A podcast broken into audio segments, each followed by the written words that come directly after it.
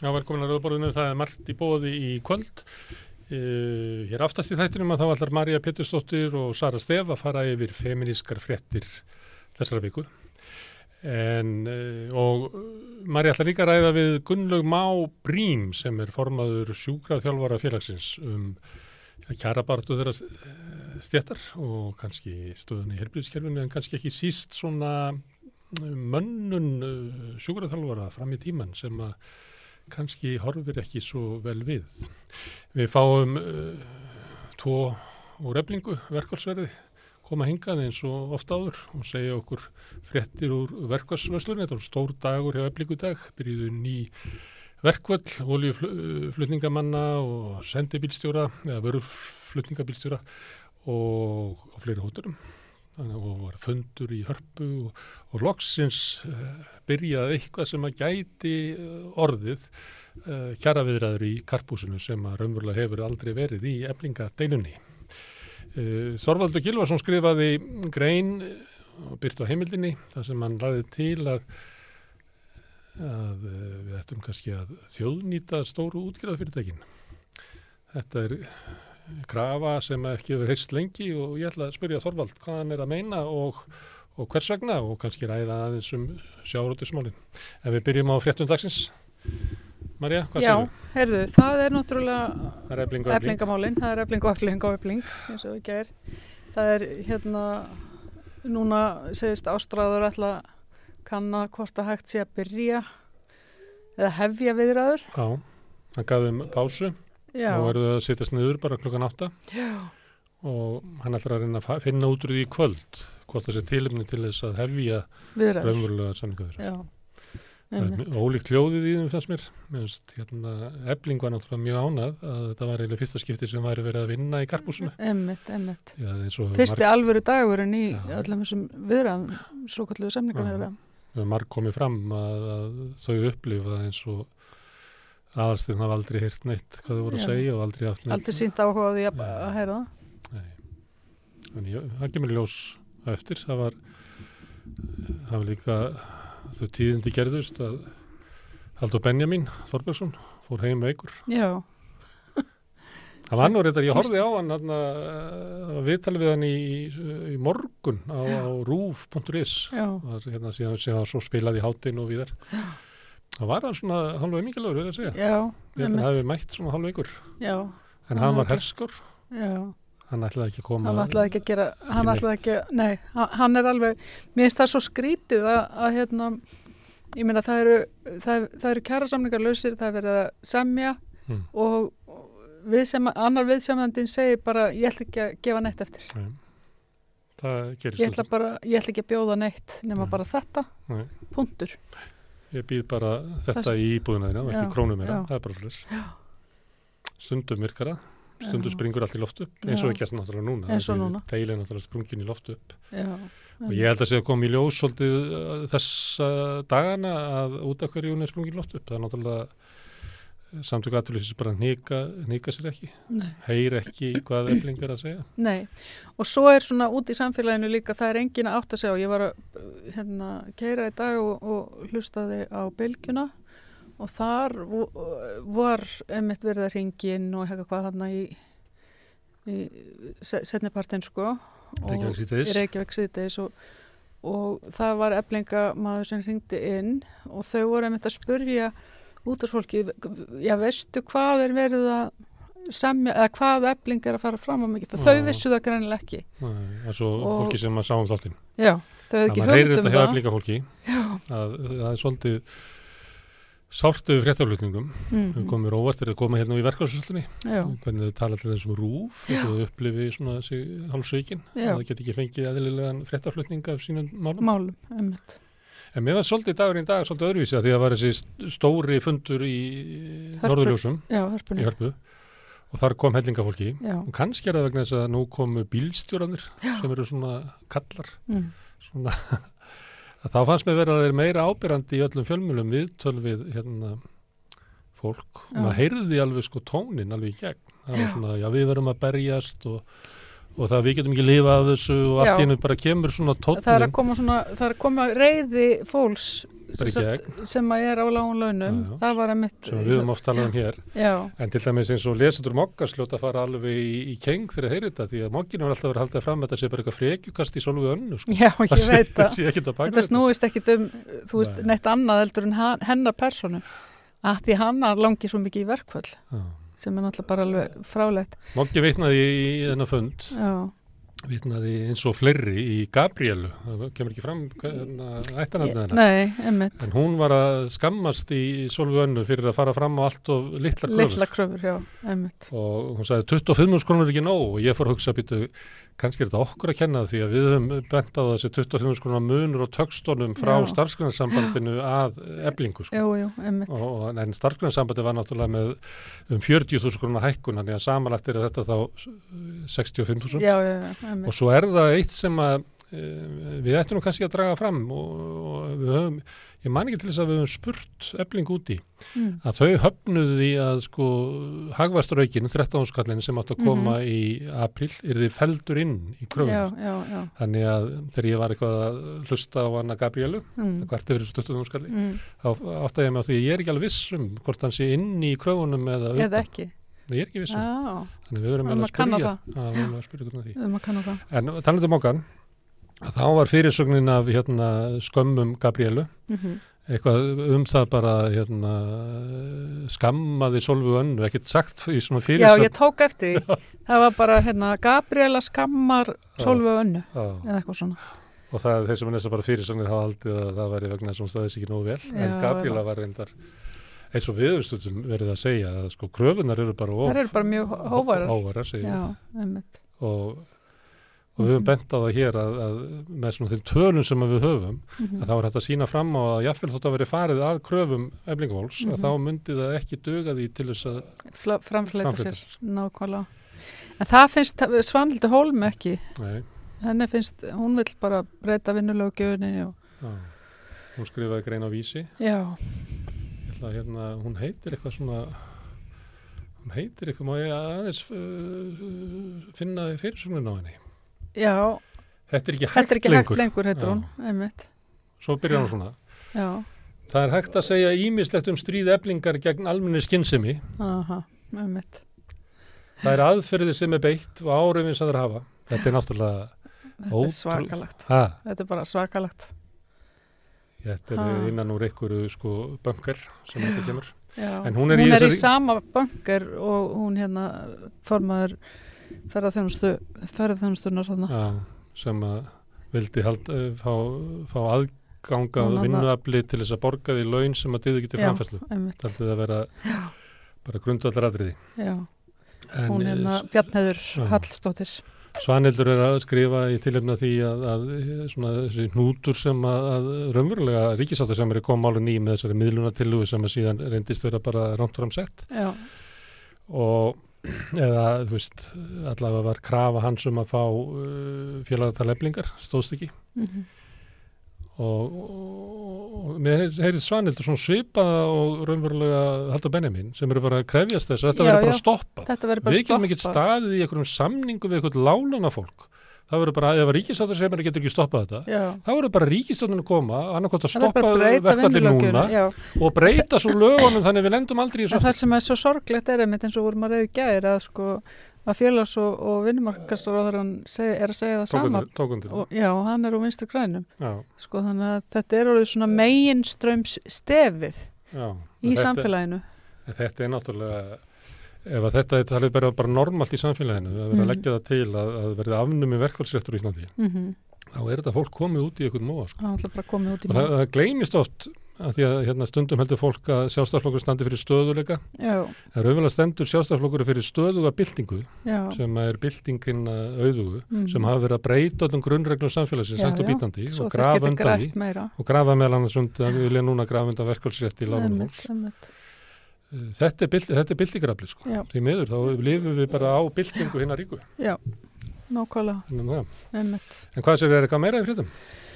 Heyrðu, já, svo er það náttúrulega bara, uh, já, við höldum áfram bara að taka eblingar stöðuna, það er Það náttúrulega er bara, bara bensín og svona. já, nú er bara bensínið að klárast og vöru skortur eftir nokkra daga, undan þáðunar eru búin að vera einhverjar, 70 eitthvað.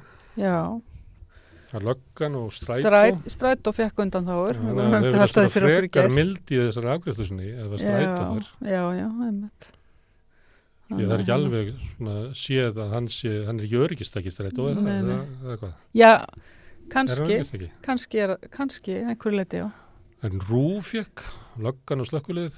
Það er merkilegt að Rúf hafi fengið Nú var hérna, eflingu, ég segi svona. nei, Rúf er alltaf skilgrinni Það Rúf er- sem hérna, Jú, almanna varna tæki. Til þess að geta komið á Já. bíl, bílónu sínu niður í karpús. Já, einmitt. En Það verðist vera efling ætla að vera svona frekar mild í þessu.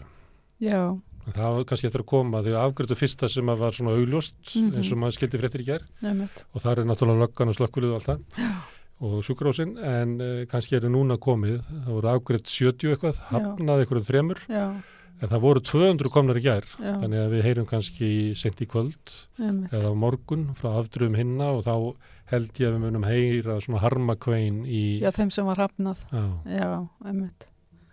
Veistu eitthvað, var einhvers þar byrt hverjar þessar þrýr voru sem Nei, var hafnað? Ég sá það nefnilega ekki. Það var líka eitthvað að hluta eitthvað svona, Mm. svona. en ég ég sagði það hérna í gær að allir og ammaðir hefðu sendt inn undan þóri, ég held að sé þannig sko Já, það við ringd alveg inn pottet. þannig að það telja allir séu vera með lífsnöðsilega starfsemi já, einmitt, mm. einmitt. og ég held að sé líka stemming svona svipað og svanildur var með áðan ég held að sé stemming hjá svona fyrirtæki eigandum Já, að sækja um og fara í hart út af því og svoleiðis já, ég held að, Já. held að líka. Það þykir einhvern veginn bara, ekki bara kingja því að þau eru búin að koma þessu Nei. í verkvall einmitt. svo er eitt aðtilsvert svo er fólk spurt sko sem er með fyrirtæki, og þá er einstaka fréttamaður sem er byrjað að segja að hvað hafði ekki bara laun Mm. og þá er svarið að við semjum ekki og við greiðum Mhm. út góðu laun sakot íslensku tökstur sem er Já. um að þá er svona varpað yfir að þessi SA sem er að semja einmitt. að fólk veigra sig við að taka umræðuna um það okkur hækki ekki bara launin Mhm. við höfum reknað að það kosti 6 miljardar fyrir fyrirtækin í landinu að gera þetta Mhm. Ég skrifaði um það hann að heimskipar að sk- skila 12 miljardar hagnaði Já, það er tvöfalt meira heldur en það myndi kosta allt atvinnulífið eða fyrirtækin að, að hækka laun eflingar, já, einmitt. bara eitt fyrirtæki. Þetta er alveg, sko, það, núna, þegar maður er að lesa um allan, sko, maður er búin að vera að lesa um, sko, hagnað uh, vestlana, stóru vestlanakæðana og, og hagnaðin, skilur, hjá hinum á þessum fyrirtækjum og Já. svo heldur þetta áfram núna bara einhverjar áskýrslur að koma út og ennþá meiri hagnaður og Já. argreislur og, og meðlandsbankanir eru með Já. 60, eða 67 miljardar já, þeir voru með meira í 2021 og skýringin er að hluta til að því að það sem gerðist á síðast ári var að, að hlutabrjöf lekku í verði. Mm, og ég held að sé í landsbankunum sem er eitthvað svona staðagakvæmt marel og eitthvað svona sem að lækkar það. Já, því að sko venjulegt okkur bankana það mingaði ekki þetta síðast ári. Nei, það voru hreinar vakstatekjur voru rétt tæplega 130 miljardar mm og jökust um 25 miljardar á síðast ári. Það sem að, það sem að gerist þegar það er verðbólga og vextur og hækkar mm, þá græða bara bankandi meira. Já, og maður er að veltaði fyrir sér, sko, er það snjallt í samfélagi, mm, kannski spyr ég Þorvaldu þessu já, er það snjallt í samfélagi að láta þrjá banka draga upp úr hérna hakkerfinu, Já. 130 miljardar í hreinar einmitt, er þetta sniðuð sístem mm, þetta er rosalega peningur, sko. Já, þetta er hérna þetta er nærði að vera tveir landspítalar heldur en sko einn og hálfur. Já, einmitt. Svo er alls konar undarlega heiti gangi líka. Sín, það er frétt hérna um að Sín fekk 67 miljónir styrk og greiði hlutöfum 300 miljónir í arð. Uh, Já, í fjölmjölastekkin já, þeir högnuðust um 888 miljónir á síðasta ári. Þetta er náttúrulega hlægilegt sko. Þetta er náttúrulega bara svakalagt. Að Það var reyndar í sko þegar voru styrkirnir til hérna út af COVID Já, þá var sett þarna að kröfu verkefliðsreifingarinnar og stjórnaranstöðunar já, um að þau mætti ekki greiða þessu út arð á sama tíma. Þau eru bara mhm, annarkot ekki vilja það eða glimt í sambandi við þessu einmitt. Og það er náttúrulega fárvænt að langstæsti hlutin af þessum peningum fara til sín sem er bara uh, fyrirtækja á markaði í Mhm. eigu hérna reynda lífur í sjóðana en, en það eru svona einhverjir uh, kappójar að bítast um yfir á þessu félagi til þess að geta stýrt þarna dagskráni Mhm. Og uh, Moggin Mhm. sem er í eigu útgerðarinnar Já, já. og fréttablaði sem er í eigu helsta fjárháslega bakjarls viðreysnar og við erum að styrkja ja, við getum sagt auðvaldið til þess að halda úti Fjölmiðlum. þessari pressu já. svo fær hérna eins og heimildin og samanlagt kjarnin og, og stundin eitthvað hérna helmingin af þessu sem að þeir fá það er svo helmingur sem hver þeirra fær sko. Já, já. ég. Það við skulum ekki tala um uh, fjölmjösting, ég er á móti þessu. Ég held að stæði að styrkja blaðamenn beint. Beint, já, það er kerfi sem er notað í, til þess að efla bókútgafu þá, þá styrkjur þann sem að býr er upphafið, upphafspunkturinn. Akkurat. og með því ertu að styrkja sko prentaran, bóksalan, já. bókútgefandan og Einmitt. allt ferlið. Einmitt. miklu snjallara heldur en að sko að, að, að taka alla rítvöndastyrkina og láta forlægi fá þá. Já, já, eða ég minnst það aðsnarlegt Mm Já, það er svolítið aðsnalagt. það var ein frétt af því að talað um heimildina að heimildina hefur ekkert sérstakann áhuga verkefnispolítík sem að er svolítið ráðandi í öllum öðrum fjölmjölum þannig að voru svolítið svona aðrar fréttir á heimildinni Já, í dag, beðar annars að Orri Haugsson fóstur í Símans er með 9,7 miljónur á mánuði, einmitt. hann hækkaði um 53% á síðast ári í launum. Mm hann er með 26 föld En, þa en það, er það sem ég vil að segja, sko, þetta eru fréttina sem maður er að lesa núna dag eftir dag. Uh, á meðan fólki á lagstu laununum er að berjast um einhverja smá launahækkun og færi einhvern veginn svona viðmót eins og frá Svanhildi og fleirum. Og það er eitthvað svo ofbóðslega skakt við þetta. Já, það er eitthvað svo ofbóðslega skökk umræða. Já. Ég held að, sko, launahækkunni hans á síðast ári voru fjóra miljónir já, á mánuði, sko. mánuði já, emmitt Launahækkunni á fjóra miljónir á mánuði. mm Heyrðu, Já. hérna já, þú varst eh, að fjalla aðeins um líka á samstöðinni uh, hvað hann að uh, laun uh, ma mað, nei, þú varst að fjalla um lánin sem sagt, afborganir Já, er lánum út frá, já, út frá vöxtum. Það er ekki komið fram, sko, í hækkun hérna, allra bankana, síðasta hækkun. já, En ef hún er tekin inn í það, þá má reikna með að, hérna, að á 50 miljón krónar láni, mm að þá hafi greiðslubyrjun hækkað um 165.000 já. á mánuði. Það eru 2 miljónir á ári. Já. Og þetta með að við verða húsnæði þá er þetta ábyggilega ekkert óalgengt lán. nei, einmitt En það er náttúrulega ekkit svo algengt að þessu komni byrjaður að tikka inn breytilegi vextir. mm Það mun uh, mest gerast bara á þessu ári, Mhm. síðar á þessu ári. Þá Mhm. fer hellinga fólki sem að geta fengið svona í hausinn já, eða flúið yfir í, í verðri lán. mm þar sem þú lækkar greiðslubyrðina, um, það er að pissi skóin sin sko. Þú lækkar greiðslubyrðina núna í dag mm en þú borgar hana tvöfalt tilbaka á lengri tíma sko. Þannig að mm en þetta er náttúrulega, eh, ég var eitthvað eh, svona hvað þyrfti að hækka launin mikið sko. Mhm. Þetta, ef þetta væru satt, tvær fyrirvinnur sem væri að borga niður svona lán, já, að þá þyrfti að hækka launin um 150 skall á kóru. og einmitt. mesta hækkunin hérna, það er meira en helmingi meira en mesta hækkunin var í síðustu samningum og þá áttu eftir að bæta alla verðringinguna.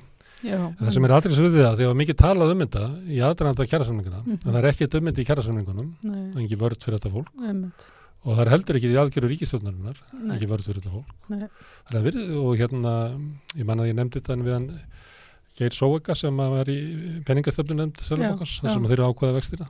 Og hann, þú veist, bara finnur til með þessu fólki, hann segir bara að það er hérna, stjórnvöld verða að bregðast við þessu. Mhm, og þegar þetta var rættnir á þingja á sín tíma, mhm, þá var einhver úr stjórnarhansturinn sem því með mann ekki hver var, kom Mhm. upp og sagði, byrja alltaf ekki að gera kakvað þessu fólki sem er þetta bara efnaslegar hamfæri sem er að ganga yfir þetta fólk mhm, og þá sagði Bjarni Benedis og það væri alveg fráleit hagstjórn ef Mm. að við færum að greiða niður afleðingarnar af á, vaksta ákvörðunum.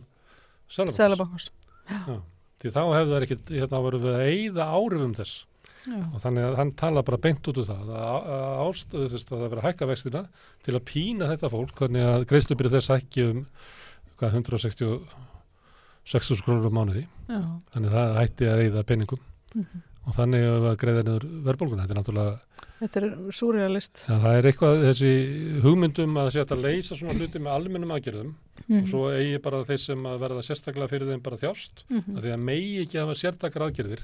Mhm, þannig að Áskip Brynjar tala nú alltaf um þetta þegar hann kemur yngað Mhm. að hérna, þetta er bara þetta er bara þver öfugt við það sem er verið að gera út um allan heim. Já, en, en líklega er þetta komið frá einhverju svona nýfrjálsökju trúabröðum hér að það megi bara vera almennar aðgerðir og allar sértakar aðgerðir sem að vinna íla já, en þetta er náttúrulega láta þetta bitna á almenningi. þó þetta var ekki nema 500 heimili eða það. 1500 í þetta er eitthvað stað þar. Já, þá er þetta náttúrulega, þetta er ekki verjandi sko. nei, þetta er alveg snar bilað mm. Herðu, Heru, það er eitt fyrirtæki sem er búið að tapa. Á play. Já, það er play. Já. það er bara að það, það er mm, kannski, það hækkaði verði já, eftir það. Já, já, eftir að tapa því já, já, er, já, þetta er kert áfram með einhverju vendingu sem við skiljum ekki. Nei, nákvæmlega. Herðu, en það er ein, hérna, Jón Gunnar Ottosson sem var hérna, forstjóri náttúrufræðistofnun, hann gerði svona svolítið allt vittlist á Facebook. Og eitthvað ykkur tók þetta upp Já. síðan líka. Hann byrti að uh, mynd já, þar sem hefur verið undirbúa gróðursetningu trjáa. Já, og sagði það að, að það að selja fólki kólefnisjöfnun út, út á skórekt já, væri bara skam. já Hann sagði í fyrsta lagi þá með því að riðja veist, opna jarðveginn með þessum hætti Já. að þá hérna hleypur út hérna kólefnum já, og það hefur neikvæð áhrif. Og hann sagðist efast um að það næða að jafna svo tíu árum það væri takið miklu meiri tíma. Já, þannig að það væri að hafa ykkur áhrif til kólefnisjöfnunar mhm, að það væri löngu búið að urða bílinn eða þetta kólefnisjafna bílinn já, þá er hann löngu komin á haugana áður en að sé það- áður en að er búin að skóurinn farið að já, að skila Já, mér finnst þetta mjög aðteglisvert því mér finnst Við allt vorum með Votlendi sjóðanum daginn sem að er bara skam. skam, já, það er mjög finnst allt í kri- kringum núna einmitt, mér er búið að finnast þetta mjög undarlegt og hvernig líka sko, fyrirtæki geta keift sig frá alls konar sko, ég, bara, þetta er of, too good to be true veginn sko. og það er að sína sér núna já, þetta er alveg daldið too En good þetta to er be eins true og mikið hittamál og þetta er einhvern veginn að fá hérna, með og á móti skórekt. já, Þetta þetta, eitt að- það er Þú getur rosalegt sprengt upp kvöldurabóð með þessu. já, já, já, já. Rúsalur hitti. það er alveg svakalegur heiti Herðu, finnum Jón Gunnar og Já. hérna, Grillumón vinninn. Herðu, svo Eh, var hann að hætta. já, Nicole Sturgeon Já. hún var að hætta Önnur kona sem hættir. já, og, Nefndi grimd stjórnmálana. já, er svolítið svona kannski svipaðar, daldið svipaðar fórsundur mögulega En ef að hún þólir þetta ekki, hún hefur nú verið mjög vinsæl. Ég hef nú eitthvað að googla hérna áður en að þátturinn byrjaði. já, En hún er ekki eins vinsæl og hún var kannski fyrir nokkrum árum. nei, nei, En hún er náttúrulega fóringi í flokki sem er með afgerandi meiri hluta á Mhm. þinginu. Er umverulega, þannig ef að hún þólir ítla mótlætið í stjórnmálum, já, þá veit ég hvernig hinn er eiga að þóla það sko. nei, einmitt Hmm. Hún er búin að, það voru búin að vera báðar í hvað svona átta ár eða eitthvað svo Nei, hún er búin að stittra í, í Nýjasjálandi. Hún var bara rétt byrjuð þegar COVID kom. já, Kannski- var hún ekki búin að vera tvö kjörtímbil Nei, kann- Nei, nei, nei. Þú Kannski veist. eitt allt. Ég veit ekki það. Ég held það. Ég er bara að tala um það sem ég held.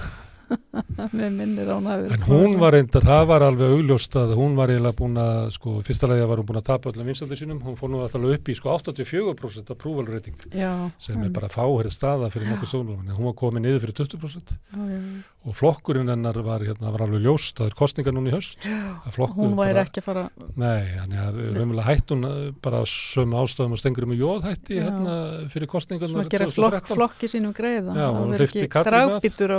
Flokkin Já, ég las þetta þannig sko. já, en,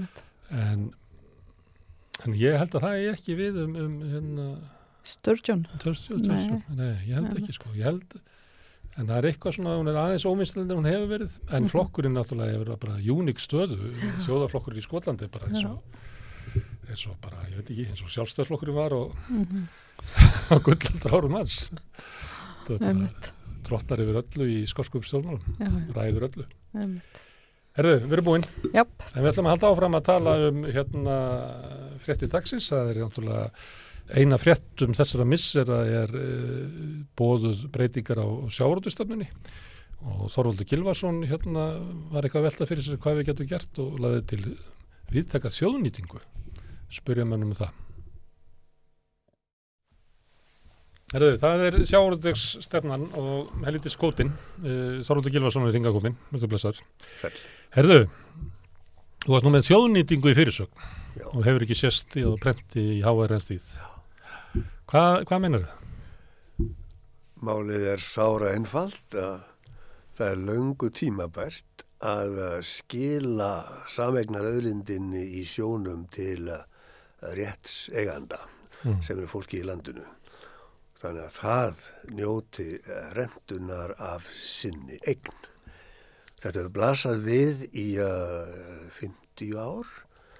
Ég er staðið í þessari baráttur sjálfur frá því ég flutti til landsins fyrir 40 árum Mm. og mér eldri menn uh, hafa, sem sumir eru ennþá upp í standandi eins og Þorkell Helgason, professor og fyrirvændi ráðnindistjóri, þeir hafa staðið í þessu uh, í 50 ár og eru ennað. Mm. Það hefði átt að vera hægt að virða þjóðarviljan uh, án meiri háttar uppstokkunar á fyrri tíð og að loka staðfesting þess byrtist í þjóðratkvæðagreislunni um nýja stjórnarskrá uh, 2011 þar sem 83% kjósenda í þjóðratkvæðagreislu sem alþingi bauði til uh, listu sig uh, fylgjandi stjórnarskara ákvæði um uh, ævarandi þjóðaregn uh, á uh, öðlindinni. Þetta stendravísi lögum, það er bara ekki duga til. En þegar alþingi vogar sér síðan að að vanvirða þjóðarviljan eins og hann byrstir svona skýrt í þjóðaratkvæðagreislunum nýju stjórnarkronan 2011 að þá þurfa menn að, að hugsa sinn gang. Ég hef beðið þólinnmóður núna í að Uh, hvað er komin? 12 ár frá því að við uh, unnum þennan frækilega sigur í þjóðaratkvæðagreislunni en alþingi sínir engin merki þess að það ætla að gera annað en að hegða sér eins og handbendi uh, ólíkarkana í sjárudvegi og uh, við það er ekki lengur búandi. Við sjáum hvað heimsbyðin er að gera við rúsnesku ólíkarkana það blasir við og nú held ég að íslensku ólíkarkarnir og umbóðsmenn þeirra á alþingi þurfi að fara að hlusta betur á það sem við höfum verið að segja í öll þessi ál.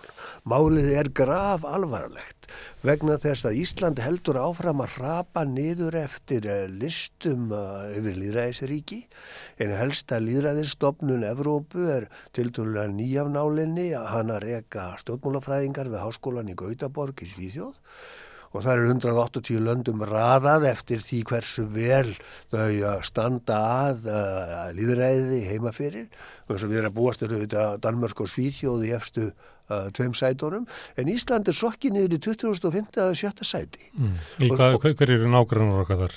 Mástu það? Bandaríkin eru 2009. Mm. Engin ger, vetni- ger, ekki- ger spiltu stjórnmál? Já, já, nákvæmlega. Og, og, og sko við höldum áfram að sökva dýbra og dýbra í þetta fenn og bara við það má ekki lengur búa. Og þess vegna segi ég úr því að stórfyrirtækin í sjáðútvegi og stjórnbólamennir gátt ekki komið sér saman um löst sem að, að fólki í landinu getur sætt sér við og þá er ekki bara að tala um þjóratkvæðagresluna 2011, ég er að tala um bókstaflega hverja einustu skoðanakönnum Sem hefur, verið byrt um málið í, í, í, í 40 árið eða meira. Og meiri segja að var einnig konunni var spurt um hefur kótakerfið slæm árið á, á líðræðið og þá held ég að verið 66% sem sögðu já. Já, já. Þess að fólk bara átt að segja þessu. Þetta eru sömu 66 eða 7% mm. og, og stuttu stjórnarskrá frumvarp mm.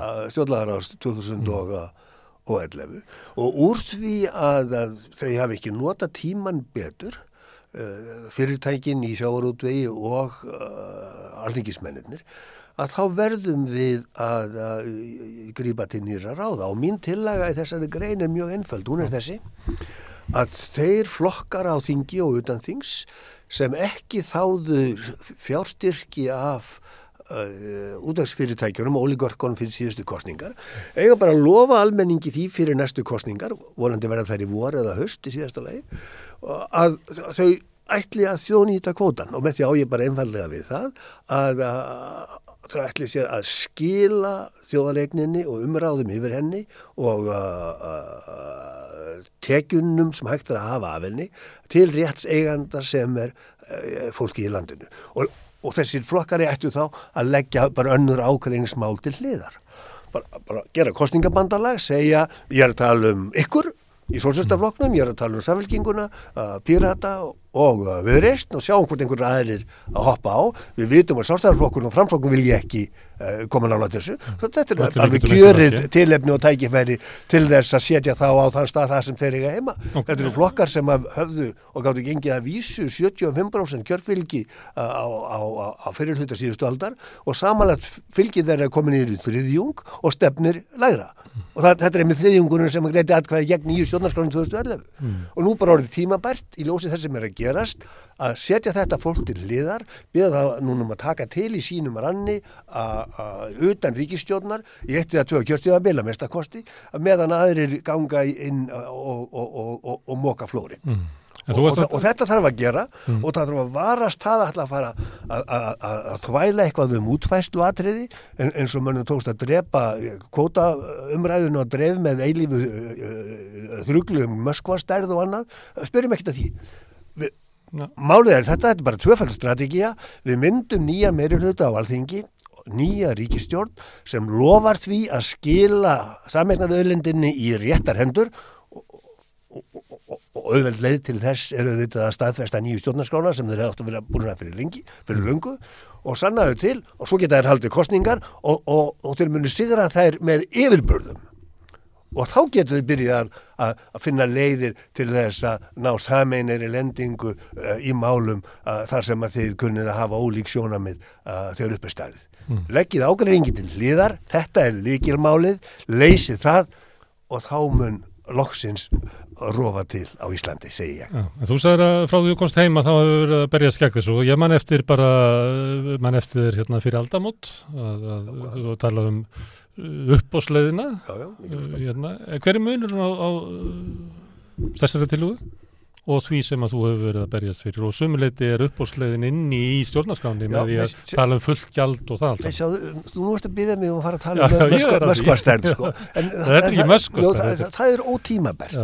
Ég er að spyrja því hver er munurinn á því sem þú ert að segja núna og þú sem þú hefur sagt áður Ertu semst að opna fyrir að séu fleiri útfæslulegðir? Nei, nei, nei, það er engin munar því og þessu og því sem ég hef sagt áður, nema bara núna er, stungið upp á uppstokkun sem er fólkin í því að færa eignarhaldið á stóru útgerðunum yfir til uh, ríkisins, Já. hversu lengi sem að svo skipan stæði. Á fyrirtækjunum sjálfum? Já, á sjálfsögðu. Og, og við þurfum að leita leiða til þess að ná aftur eignunum sem að, sem að þessi fólki hefur sölsað undir sig. Sjá, þetta er hverstarslegt viðfangsefn út í heimi Vi, við byggum við lénskipulag mm.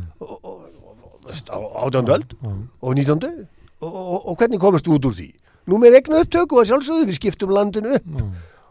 og, og Íslandu hefur verið að fara í öfug átt, hér hefur verið að koma á lénskerfi í uh, sjávarútvegi þar sem að sumin neðast til þess að leia sko illafengnar egnir af uh, ólíkarkonum mm. og við það er bara alls ekki búandi og allra síst á 2001. öld en sjáðu, ekki býðið mig um að, að fara að útskýra hvernig á að þjóðnýta það er bara verið að þjóðnýta út í heimi alveg svo að verið enga veða þar sem það á við. Og það er fullt af ríkistjónum í London og Paris og Róm sem eru að fást við þetta. Og það er bara fullt af sérfærið þekkingu sem hægt er að fá aðgang að bara með einu símtæl út í heim Ok, þá spyr ég hérna í nafni þeirra sem eru evins uh, hérna, teldi ég okkur kjark og bent á dæm út í heimi sem að sína þetta er hægt og þetta sé hverstarslegt eins og þú þetta tala um, þetta sé bara sjálfsögðar hlutur og hverstastlegt. Nei, gerum hitt fyrst. Fyrst skulum við... Uh, Nei, nefndu dæmi um það sem er verið að þjóðunýta út í heimi. Núna, til ja. dæmis er ítalska ríkisjórnin í alvarlegum hugleðingum um uh, endur þjóðnýtingu símafélagsins. Þar, bara eftir engavæðingin 1990 eitthvað, og tótt ekki takast nógu vel mm. og þetta er bara eitt hverslega dæmi sama á við um ennskar uh, uh, vassveitur og, og, og franskar veitur og svo framvegis mm. með öðrum orðum þarna eru sumstaðar vinsistjónir, sumstaðar hægristjónir og þetta er bara hverstarlegt viðfangsefni sko, þegar ríkið klikkar mm. bregst hlutverkið sínu eins og það gerðist í ríkisbankakerfinu hér á sínum tíma á síðustu öld að þá uh, uh, vaknar krafan um engavæðingu, allir ég hef ekki verið einna fyrstu til þess að heimta engavæðingu bankana á sínum tíma, en svo fór útfarslan alveg hreint uh, ja, ja, norður og niður og þess vegna þurfti að þjónýta bankana uh, 2008 þannig að við þurfum ekki að leita lengra uh, bara heldur niður á, á Östurfjöld til þess að, þess að finna nýtt dæmi um, þar sem nýlegt dæmi voru um, um, um, þjónýtingu Þeir voru verðlausir bankarnir, en það verður að finna verðmiða á Samherja og já. Brim og Já, já, ok. Ísfélagið og... Já, já, bara alveg svo þarf að finna verðmið á símafélagið á Ítalíu og svo frammi. Já. Það er verið að gera þetta út í heimi, þetta er engin vandi og, og, og, og, og þeir sem að vilja sko þvæla um, um öskvastærðina í þessu svo framvegis, að, að þeir gera það, e- ekki þú, en þeir munu hinir gera það, bara til þess að reyna að dreifa aðeglinni. Lögum mér gefa bara dæm úr íslenski sögu. Já. Uh, þú þarf ekki að vera að sammála mér þegar ég segi að uh, sko árangursíkasta umbótastjórnin sem hefur verið myndið á Íslandi var viðlistnastjórn Ólaf Stórsóð þeirra 1960 uh, Fyrir um- sem, sem umbildi sko efnarslífinu hér, gerða vísu bara helmingin að því sem hefum hefðu þurft að gera, finnst mér, látum það leikja myndi hluta. Heldur þú að þeirra verða að þvæla í kostningabaratunni 59 um það, um smáatriðin í þessu, hvað er alltaf að gera við þetta og útgerða fyrirtæki og hittar, auðvitað ekki, þeir bara lofuðu því að reynsa til og það dugði og svo náðu þeir kjöri og reynsuðu til. Og svo komu nýja kostninga fjórum árum setna og, og, og þeir höfðu frækilega sigur þar. Þetta er formúlan sem ég er að stinga upp á við þig sem leiðtóa sósélstaflokksins og uh, samfélkinguna og hennar nýju fórustu og pírata og viðreist sem á heima í þessu bandalegi peningarnir sem að viðreist þáði sko að útvegsfyrirtækjana fyrir síðustu kortinga voru algjörð smottir, það voru heldur 600.000 eða 700 eitthvað svo þannig að, viðreistna til þess að gera uh, sko með allt, allt sitt syndlaus, já. Og, og þess vegna ég það hafa hana með þessu og náttúrulega flokk fólksins. Og svo þú sjá hvað vinstri græn gera. Þau myndi ekki þóra að standa utan svona bandalags.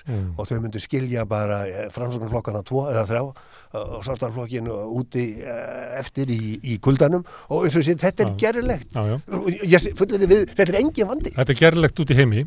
En eins og þú ert að vísa til hérna með möskvastærðina þá hefur Íslendingun tekist að jaffel í málum sem að virðist vera sterkur þjóðavilji til þess að gegn kvotakjörinu 70-80% sem eru bara ansnúiðinn og ansnúiði út af sko þekking og reynslu á kerfinu ekki út af því að það miskilja það sko að, að þá eh, hefur ekki tekist að mynda sko samstöðu sem er sterkari ef þú myndir raða saman ímsum hópum eh, sem eru að deilum sjáurðistafnuna þá eru LIU sterkast af því að það er engin hópur starrið þau. já, já. Þetta, þetta er hérna, henni íslenska rökræðu og pólitíska hefð. Já, þetta er partur af vandanum en svo er annar partur sem er nú viðkvæmæri sko. Og hann er þess að Ísland er öðrum þræði uh, Rúsland Já. menn er einhvern veginn svo vanir því að það sé farið illa með þá og þau séu auðmygtir og barðir á alla lund, bara eins og rúsneskur almenningur, þetta vita allir sem hafa setið veldursporði í Moskvu eða Pétursborg að menn, einhvern veginn menn gefast upp of snemma. En uh, núna eru mikla breytingar af vendum í Rúslandi ég eigi von til þess að Rúsland verði uh, orðið sko alvöru líðræðsíki eins og uh, við höfum þau í vestur Európu sko innan tveggja uh, þryggja ára að það sem mistókst 1990 fyrir mistök bandaríkjamanna og annara að- að að það fari ekki aftur á versta veg mm. Úkraina sigræði slíðinu eins og ég vona og á von á.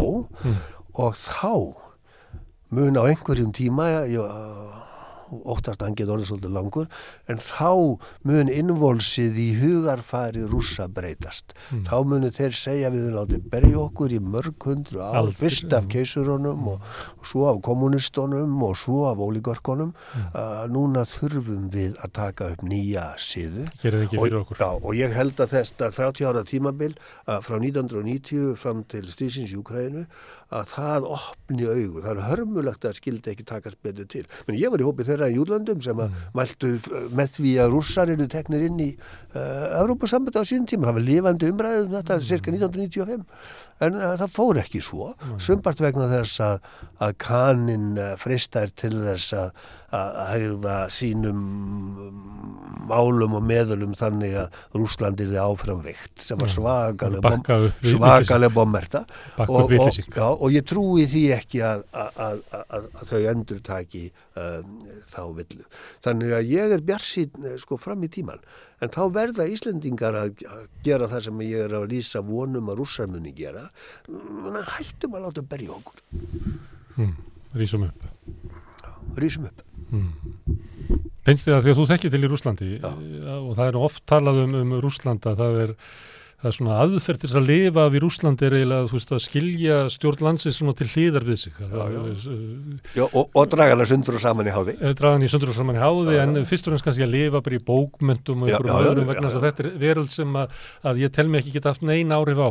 Finnst þér þetta líkt með Já, svolítið, já, ég held að partur af því hvers vegna svona mikið okkar besta fólki sko er í listageiranum, til dæmis í, í, í, í, í tónlistabransanum, er að, að þessi að, að stjórnmál hafa ekki aðráttar fyrir þá tegund af góðu fólki, sko. mm, Þanga dragast inn allt og margir sem að neyjast af, peningum og völdum, uh, lögum mér að, að, að segja aðeins meira um þetta. mm, að sem er orðið vart úti í heimi að stjórnmálaflokkar eru hættir að vera stjórnmálaflokkar sumir hverjir.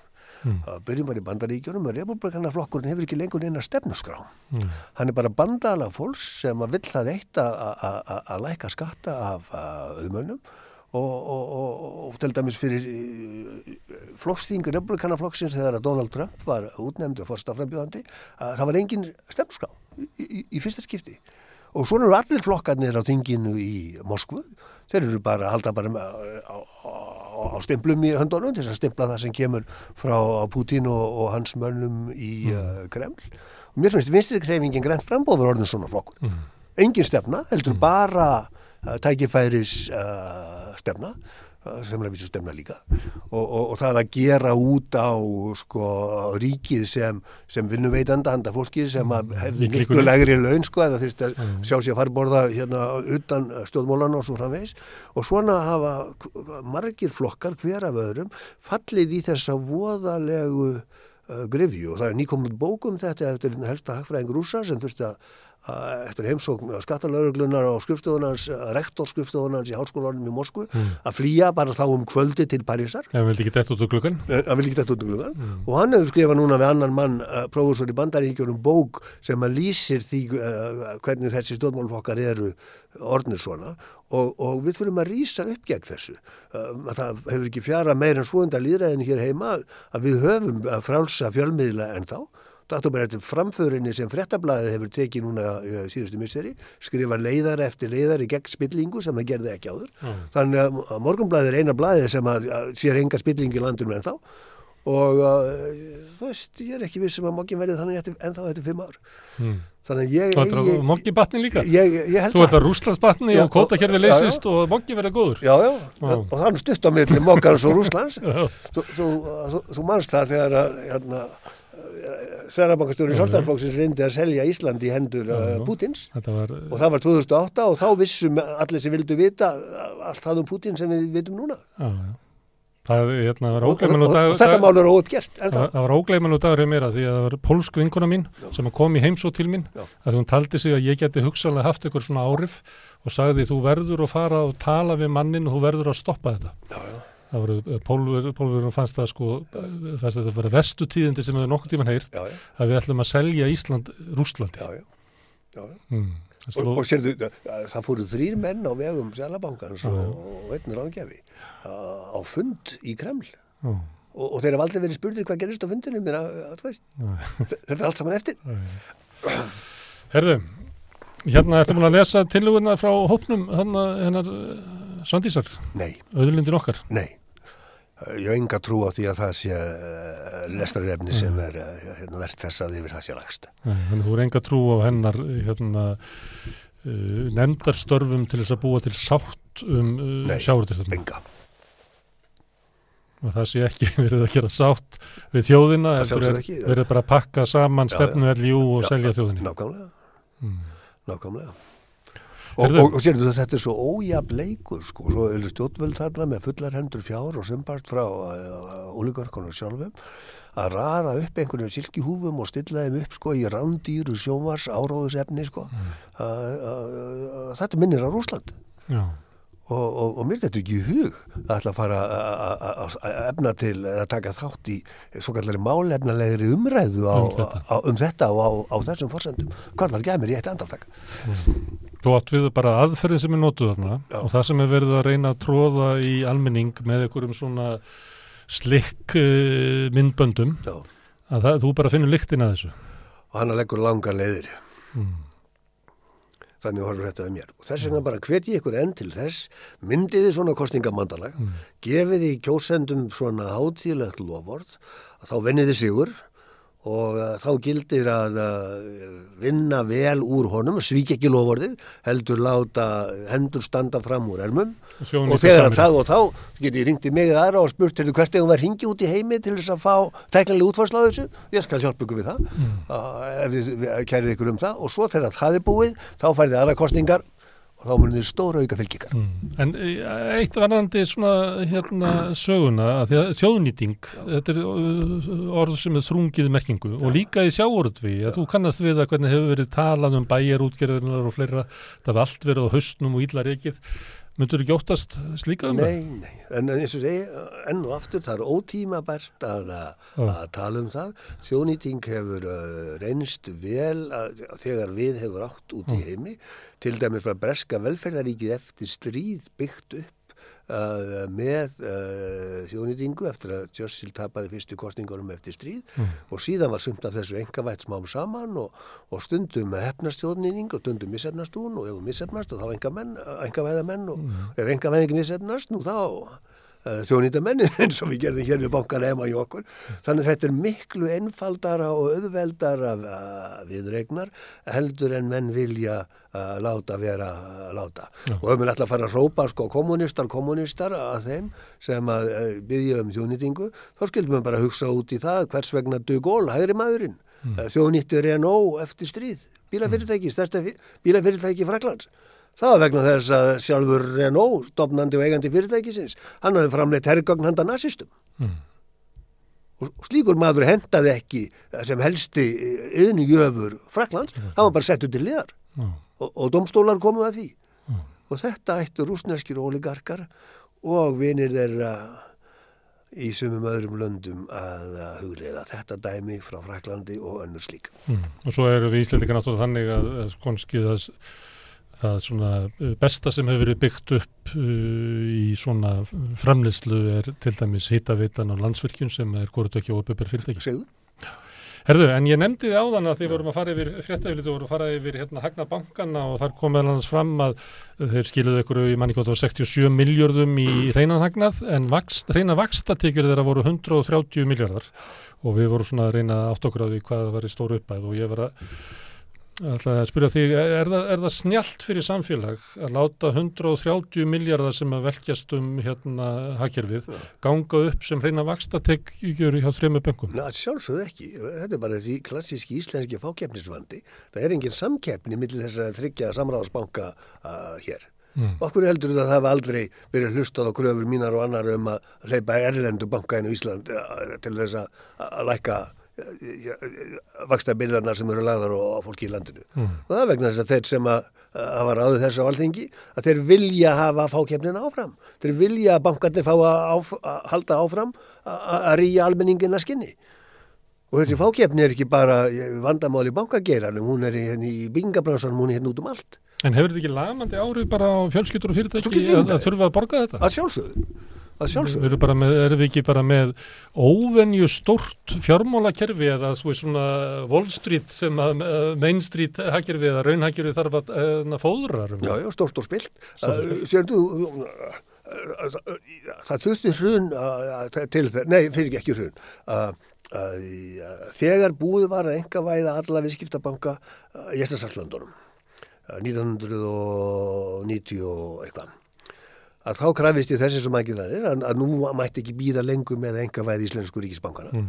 sem höfðu verið morandi í, í vittlis og spillingu um, um ára tugaskeið uh, og á það var hlustað og þetta var gert og partur af þessu var að kveði að hingað heim uh, fulltrúa frá uh, Skandinaviska Enskildabankan sem var þá stærstu öflugusti banki í Ráðurlanda einn af þeim og þeir komu hingað heim en þeim var sparkað úr landi Mm. til þess að rýma fyrir Björgóls feðgum Mm.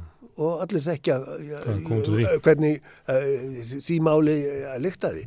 Og að menn skul ekki hafa dreigið þá ályktun á þessari hörmungarsögu að strax eftir hrun áttu þeir að búa svo um hnútana að þeir fengju góða og hefðvirða banka úti í heimi til þess að eiga uh, mikilvægan hlut í, íslensku bönkunum sem voru endurreistir á, rústum hrunsins. Að, að, það er makalöst og það bara sýnir það að uppgjörfið við hruni það fór ekki framnema til háls þannig að allt og margir og þar á meðan ráðandi öfl í núverandi ríkistjórn og öllum ríkistjórnum sem hér hafa setið frá 2013 líta svo á að gamla fákeppnislíkan eigi að fá að vera hérna áfram engin erlend samkeppni í bankarekstri engin erlend samkeppni í tryggingum og svo framvegis og við þetta má ekki lengur að búa Og fyrsta skrifið er að þjóðun nýta útgerina, Já. stórútgerina. Herðu, Þorvaldur, kæra þakki fyrir að koma engað. Við, ég held að við sem að skipta núna yfir í verkvælsvaktina. Þetta er augnablik. Herðu, þeir eru komin hérna tveir bílstjórar sem að voru bara að byrja í verkvælli núna í hátteginu. Það er hérna Emil Erlingur Jónsson og Örvar Þór Guðmundsson. Og þeir eru báðu trúnaðamenn. Mikið rétt. Það er rétt. Herðu, það má ég aðeins byrja að því að það hafa verið hótelstarfsmenn sem hafa verið í verkvalli og þær voru að bætast við mikill slatti og þeir eru svona fámennar hópur, ekki bara 70 bílstjóra sem eru að fara í verkvall. Það er 70 hjá öllum þreymi Já, fyrirtækjum, Samskip, OTR og, og Skellingi. Já, sem eru að fara í verkvall núna. Já, við erum komin í verkvall. Og aðal ávíkjurnar eru eiginlega af, af ykkar verkvalli. Já, já, það er, meina, það er í- pointið með verkvallinu. Það, er það er að sína hversu ómissandi við erum, já, hjálpa, hjálpa já. Það er markmiðið. Hvernig, hérna, ákveður eru þið að fara í verkvall frekar heldur en bara strætóbílstjórar eða eitthvað? Eru þið, þið samhendur hópur? Var svona ljóst að svona, gáðu þið ykkur fram um að vilja fara í verkvall? Hvernig virkast það? Þetta er bara búið einfalt. Það er, það er þannig að strætóbílsinnur er ekki með strúnamann. Trúnamann? Já, það þarf að vera Já. trúnamaður til staða til þess að geta til, til þess að koma í gang. Það þarf að fara kostningar og annað Já, og strætóbílsar eru ekki með trúnamann þannig að þá, en við erum við erum trúnamenn sem hefur kynst og, og höfum unnið vel saman. Við erum búin að vera að tala svolítið saman bara um oljubílstjóra bransan já. og til dæmis að við þurfum að taka ADR réttindi á 5 ára fresti. Sem er hvað er? Já, það er til að flytja hættulega farm. Já, Það er uh, Þetta er alþjóðlegu staðall fyrir, fyrir alla sem er að flytja hættulega efni, hættulega farm. Já. Þetta eru skipt í tvent, því skipt náskeið fyrir oljubýrstura. Fyrst er það grunnnámskeiðið sem er þá stikkjavara fyrst og fremst og svo til þess að geta kert uh, olju og gas í tanki þá Já. þarf þetta að bæta við við uh, öðrum hluta. Og þeir eru Og- endun í þetta? Já, það þarf að endur nýja þetta á hvað er ekki, fjár, fjár ára fresta? Fimm, 5 ára fresti. En, en Og- það hefur verið að tala, þetta kom á lagnina svona einhver staðar í kringum ár, hvað er, 2001 eitthvað þess. Það er búið að vera að tala um að, að við þyrftum að fá borga fyrir þetta, en það var aldrei orðið neitt úr því. Sko allstaðar í, nánast allstaðar í. Európu. Ef þú sækjur um að allar að kera vörubíla, Já, þá náttúrulega fylgir því ábyrð og ákveðin laun. En ef þú allar í Európu að kera með tank, já, einhver hættuleg efni, þá náttúrulega rukka fyrirtæki meira fyrir þann flutning. Og þar að leiðandi eru hærri laun í því starfi. já. Þannig að En það er ekki af ykkur. Jú, jú, það er þannig Það- að fyrirtækin þau rukna meira en við fáum ekki meiri laun. Þetta, þetta er ekki skrifað niður næsta sko. Já, já. Hjá sumum fyrirtækjum þá náttúrulega bara sjá fyrirtækin ok, þeir eru að, með já. mentun, þeir eru þjálfaðir, við skulum bara borga þeim. Þannig að þið eru En- í svona e, sér réttlæti sparóttu inn í verkvallinu. Þið, viljið, e, þið eru ekki bara að fara fram á sömu hækkanir og eru í, í tilbóði eflingar. Heldur Já. viljið að þetta verði metið. Mér langar að árétta Já, að ástæðan af hverju við erum í verkvalli er til að hjálpa láluna fólki í Já. landinu. já, Þetta er ekki bara svo við getum bara, við erum ekki það eigingarnir að við viljum bara fara í verkall til að hjálpa okkur sjálfum, Já. bara svo við getum fengið einhverja launahækun. já. Þannig að Að þið vissu bara að, að, að þið eru, það er svo mikilvægt sem þið eru að gera, að þið eru kannski, kannski svo, sá hópurinn af eflingar sem að uh, verkvall ykkar hefur fljótast áhrif. Sko, málið er það að þú, fólk áttar sig ekki á því að þetta, þessi vargrinningu sem erum með, ólja, Já, þetta er alveg rosalega gífurlegar afleðingur á þess ef eitthvað fyrir úrskiðis. já, Ef þú tekur bensín til dæmis, eh, ég er stundum að keira 43 lítra af bensíni, það er ekkert smávagn, 1000 litra, já. já, uh, frá Reykjavík til Ísafjörðar Mm.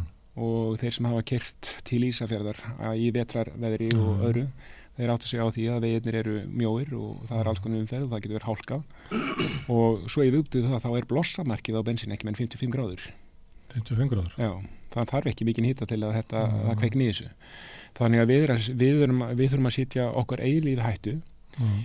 Þegar við erum að keira ennum varning í viðbútt við það þá erum við að lendi í alls konar uh, alls konar svona hættulegum aðstæðum þar sem við þurfum að hafa vitt fyrir öðrum. Við þurfum að klifra upp á, upp á gröfur. Við þurfum að klifra upp á? upp á gröfur. Við þurfum að setja í tankinn á gröfum.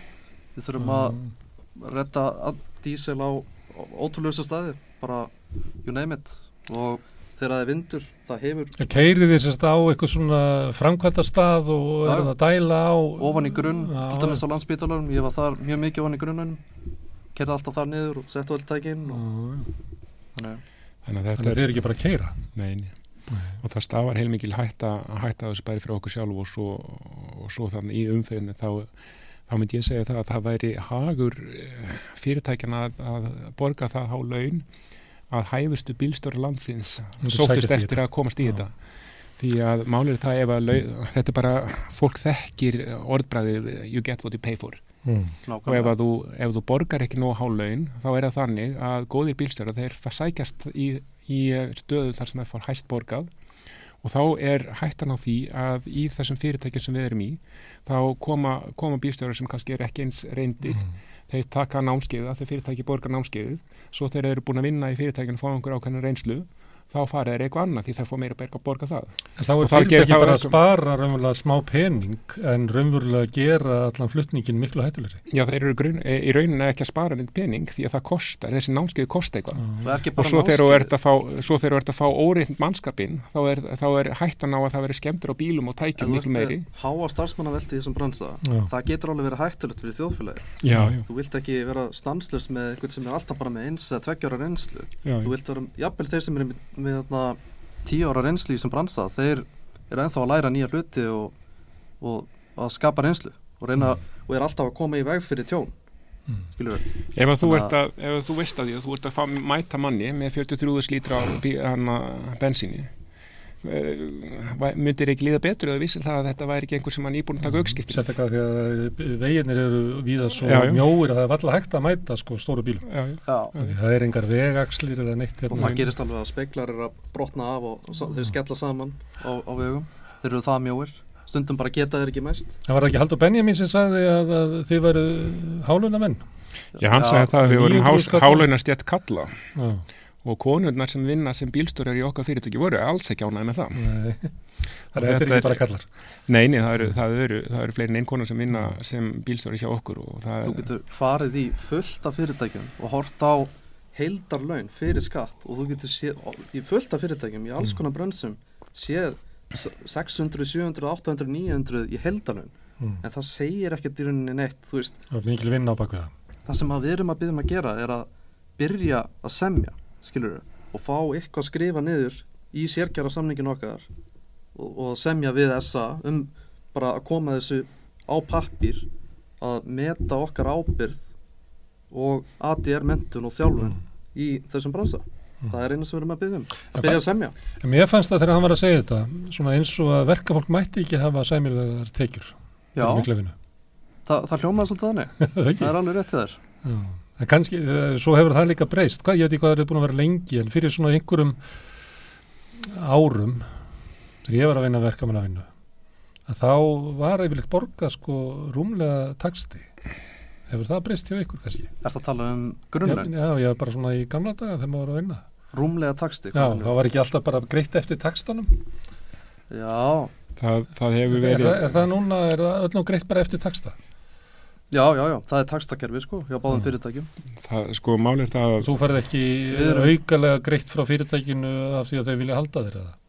nei, þetta Það- er, máli er það Það að er, við getum ekki sagt um það út af því að hver getur samið fyrir sjálfan sig. já, já, En Hvað haldið þið? Já, það getur vel verið. sko, svo máli er það að, að, að þarna fyrirtækin allan að ólídrein, þeir þarna þeir borga samkvæmt tökstum eflingar og við erum undir, undir þarna kjærasamningum eflingar Já. Þannig að þú getur bara farið inn í þá og svo skoða það og þá veistu svona nokkurn veginn hvað við erum að fá borgað. Og, og það er það er bara það sem að þeir fara eftir þegar þeir semja laun við fyrir okkar bílstöra, það eru, það eru launatöflar eflingar. Mm. og þá er, þá er til þetta bálkur sem heitir, uh, hvað heitir það, vélastjórnarundur 1 og 2 eða eitthvað svoleiðis, Já, sem ég man ekki hvað það hétt nákvæmlega. Þetta er, jú, tækjastjórnandi Tækja, eitt og tvö. tækjastjórn, já, En já. í sérkjara samningnum okkar þarna, Það það, það er kapli sem að tala um að við erum í rauninni í, í flokk 17 það er Mm. undir hópifriðastjórum mm. en núna í nýjastu kröfu þá er eflingar, þá er- er verið að krefast þess að flokku 17 fari upp í flokk 19 Já, það, það er bara eitthvað 5 5 skall held ég, já, munur. Ekki mikill munur. Ekki það mikið en, En- en- En, það sem hann er að segja í rauninni er að við erum með samme laun og rútubílstjórar. Já. Herðu, en hvernig er, hérna, nú eru þau valið inn í verkvall, hvernig er því svona tekið? Hvernig er stemmingin í hópnum? það er Hvað segir fólk sem þið hittið? mikill stöðningur allir sem ég hitti er að, stið, er að segja Sam- bara vel gert og, Já, já, og, og bara gangi ykkur vel og já, já. vonandi er- semja þér við okkur já. það er það sem þetta snýst um það er Já. að semja við höfum sam, þarna sjálfstæðan lögbundin samningsrétt Já. efling þannig að það er bara verið að neyða annan samning ofan okkur Já. og við bara samþyngjum það ekki En nú er þessi tónn ekki alveg svona í, svona í fréttum, í fréttaflutninga þessu. Nei. Það verður verið að lýsa eflingu sem svona, það er náttúrulega fyrst og næst alltaf verið að tala um sólu önnu eins og hún sé að gera þetta bara einhverju frekjukasti og eins og að það sé, þetta sé ekki kröfu frá ykkur. Hvernig finnst ykkur svona fréttaflutningur þessu? Ég- Er, er ójafvægi milli hans og síðan það sem að þið heyrið bara hjá vennilega fólki? sjálfsögðu, það er bara sko, fjölmiðlar sérstaklega fyrirsagnir. En þú, náttúrulega ef þú lest alla fréttina þá yfirleitt þá sérðu það ok, þetta er það sem þeir eru að tala um en myndin og fyrirsögnin er alltaf eitthvað svona að ég veit ekki, bara clickbait skilur svona bara til að fá fólk til að komast inn, fara inn í fréttina eða þú veist, þetta málar ekki rétt að mynd Já. finnst mér Og um þá að þið séu að raska jafnvægi í samfélaginu einhvern veginn. já, ég meina við erum náttúrulega bara í verkefni spáráttu Já, við erum að fara í, við erum að hjálpa láleina fólki aðalega skilur við, við, ég vil ekki eins og með leigumarkaðin núna ég skil ekki af hverju ríkið er ekki búið að gera eitthvað í þessum, í þessum húsnæðisvandæðina á höfbrókastæðinu þannig að það getur engin keft íbúð og getur engin, jú fólk getur leikt en hvað, 80% af launasælunum fyrir leigu hjá sumum, í það. þannig að þetta er erfitt ástand Fyrir þá sem eru á legstölunum. já, Mm. En núna í dag voru þið þarna hittust í Norðurljósum, stór hópur eða ekki, Norðurljósum í hörpu, Það var ekki Norðljós, var ekki jú, ja, bara, jú, Norðurljósi Já, hörpu, jú. Kassin þarna. það Við reyndar gátum ekki komist í það, við erum Nei, í samningsnefndinni og við erum búin að vera þar alveg síðan klukkan nýju. já, og hvernig er það vitum- Já, getur Það er mest að við, um það en nei, við, þur, við þurfum að fara svolítið varlega því að Já. við erum með ákveðin trúna í samfittu Já. við það í mál. Þannig að, Þið farið núna, þeir eru búinir að tala um mig að þá farið aftur niður í já, þannig Já. að við fengum und, undan þá til að koma hingað Ok. og tala við þig. Ok, hérna, er það þannig að ég heyrði í svona viðtölum hér og þar við eflingafólk, svona sem að kom, að því að mér fannst eiginlega að vera svolítið breyting í dag, að það var eiginlega fyrsta skipti í dag sem að maður heyrði sko rattir uh, bara eflingafólks Já. í fréttum, að því að það verið aldrei bara, að þú varst einhvers þar hérna fyrir einhvern tveimundum eitthvað svona, uh, svo ég nafnið þitt einhvers þar í fréttum, en núna allt í hennu kom bara hellingaröldum og það var svona mikil svona bæði hérna baráttu vilji en líka ákveðin svona bjart síni Já, kannski af því að það vannst þetta mál í landsrétti.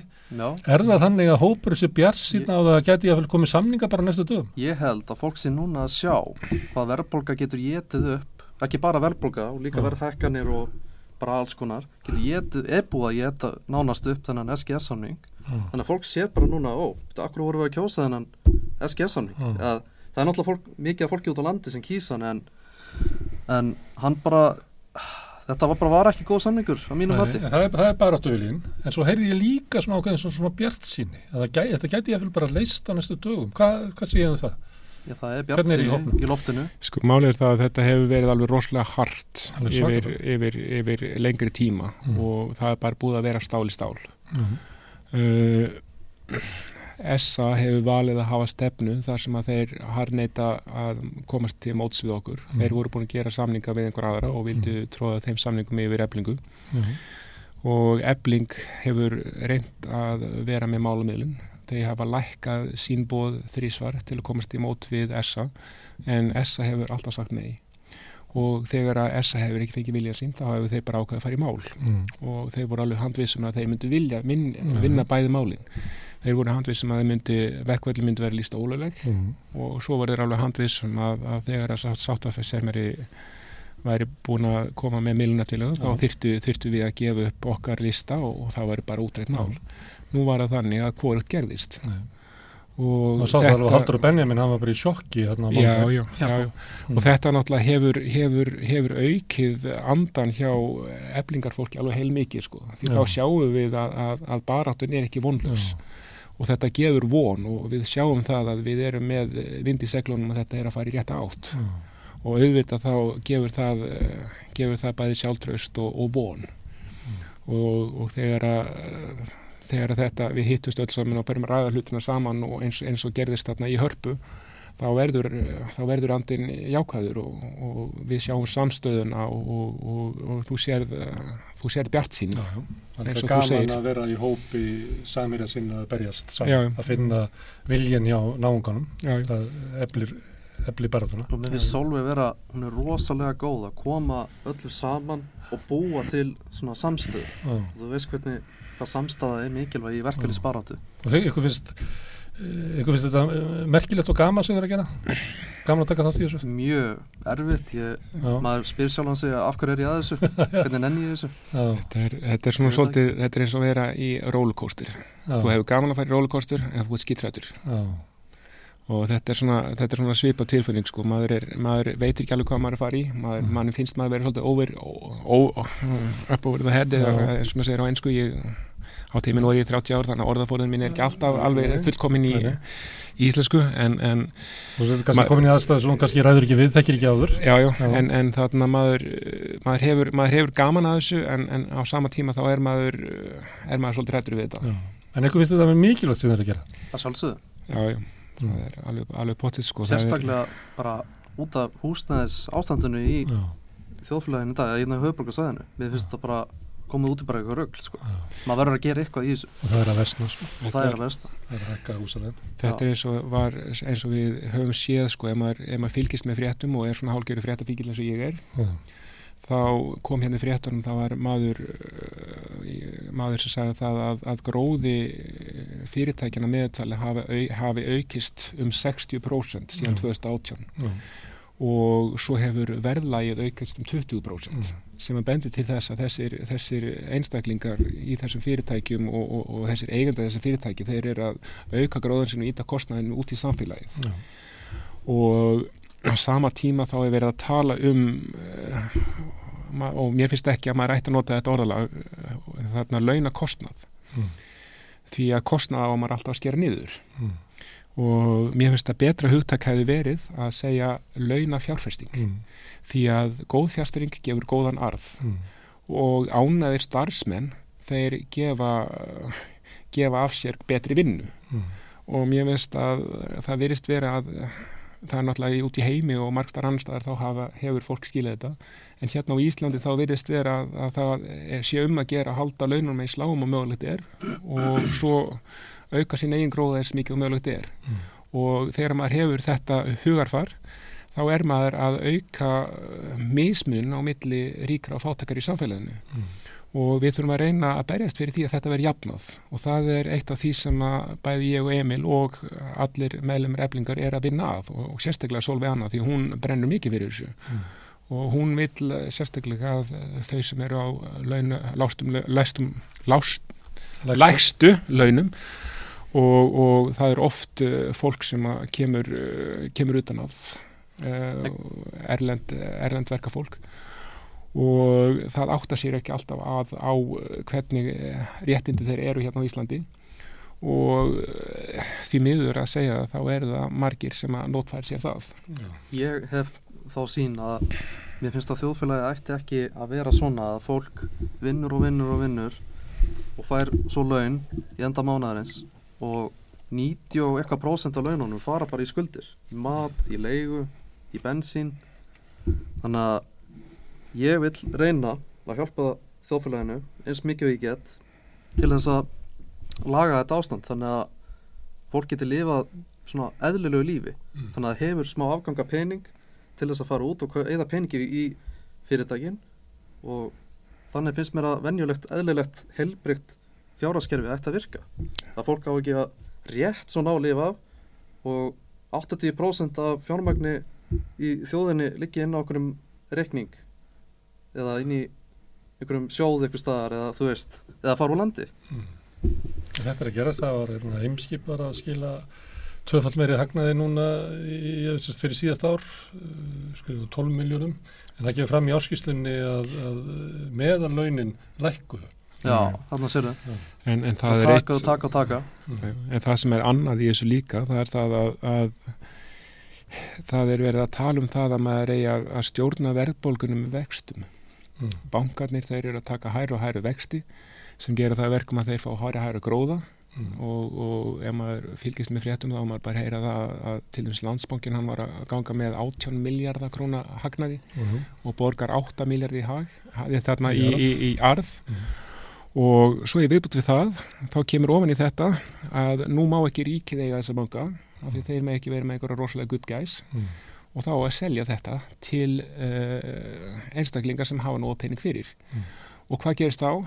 Jú, vextirnir sem fara inn í bankana au- auka hagnaðin í bankunum og svo verður borgar út arður Til og í staðin fyrir, fyrir að þetta fæði til ríkisins í dag þá að selja þetta og þá fara einstaklingar sem fyrir, fyrir eiga nógu pening fá ennþá meiri pening og þetta eikur eft, aftur á, á þarna mismunin Mm. og það er sem er í rauninni að verið að gera það er það að er verið að taka pening frá þeim fátöku sem ekki eiga efni á að kaupa sinni á danðastaka lán og yfirfæri peningin til þeirra ríkur sem hafa nóg fyrir Það verður að flytja peninga frá þeim sem að lítið sem ekkert eiga til þeirra sem eiga mikið og vilja sífælt eigna sem er þar. Já, já, og svo er vunnið hart af því eh, að, að, að selja bankana til þess að af því að bankanir, nei af því að ríkið eiga ekki eiga svona stofnarnir sko. Og horfum á það sem gerist í COVID. Fullt af fyrirtækjum fengu ógíslega góða styrki frá ríkinu og á sama tíma voru þau að segja upp fólki bara, þú veist, þarna örfáum mánuðin setna, jafnvel. Meðal annars Íslands Hotel. Já, á Íslands Hotel, já, Mm. og hvað gera þau þegar það er verkvall?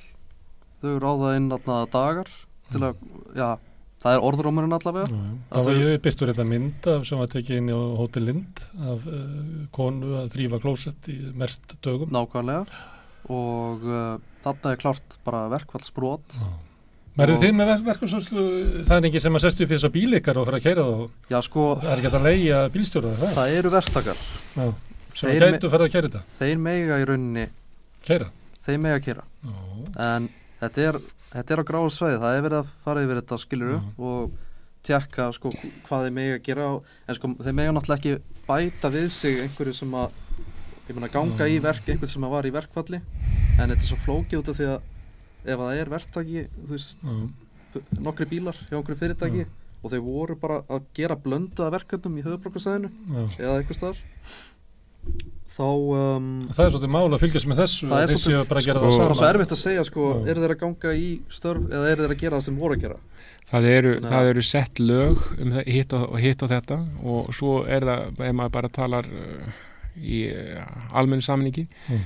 þá eru sett lög og það er lög og það eru ákveðnir ein, einstaklingar sem sitja þessi lög og hafa ákveðin hugsun og svo eru aðri lögfræðingar sem tólka lögin Mm. og svo fer það eftir hvað uh, hvað hver uh, lögmaður uh, nákvæmlega hafi í huga og svo tólka þeir eftir snýst um hvort túlkun áttuna.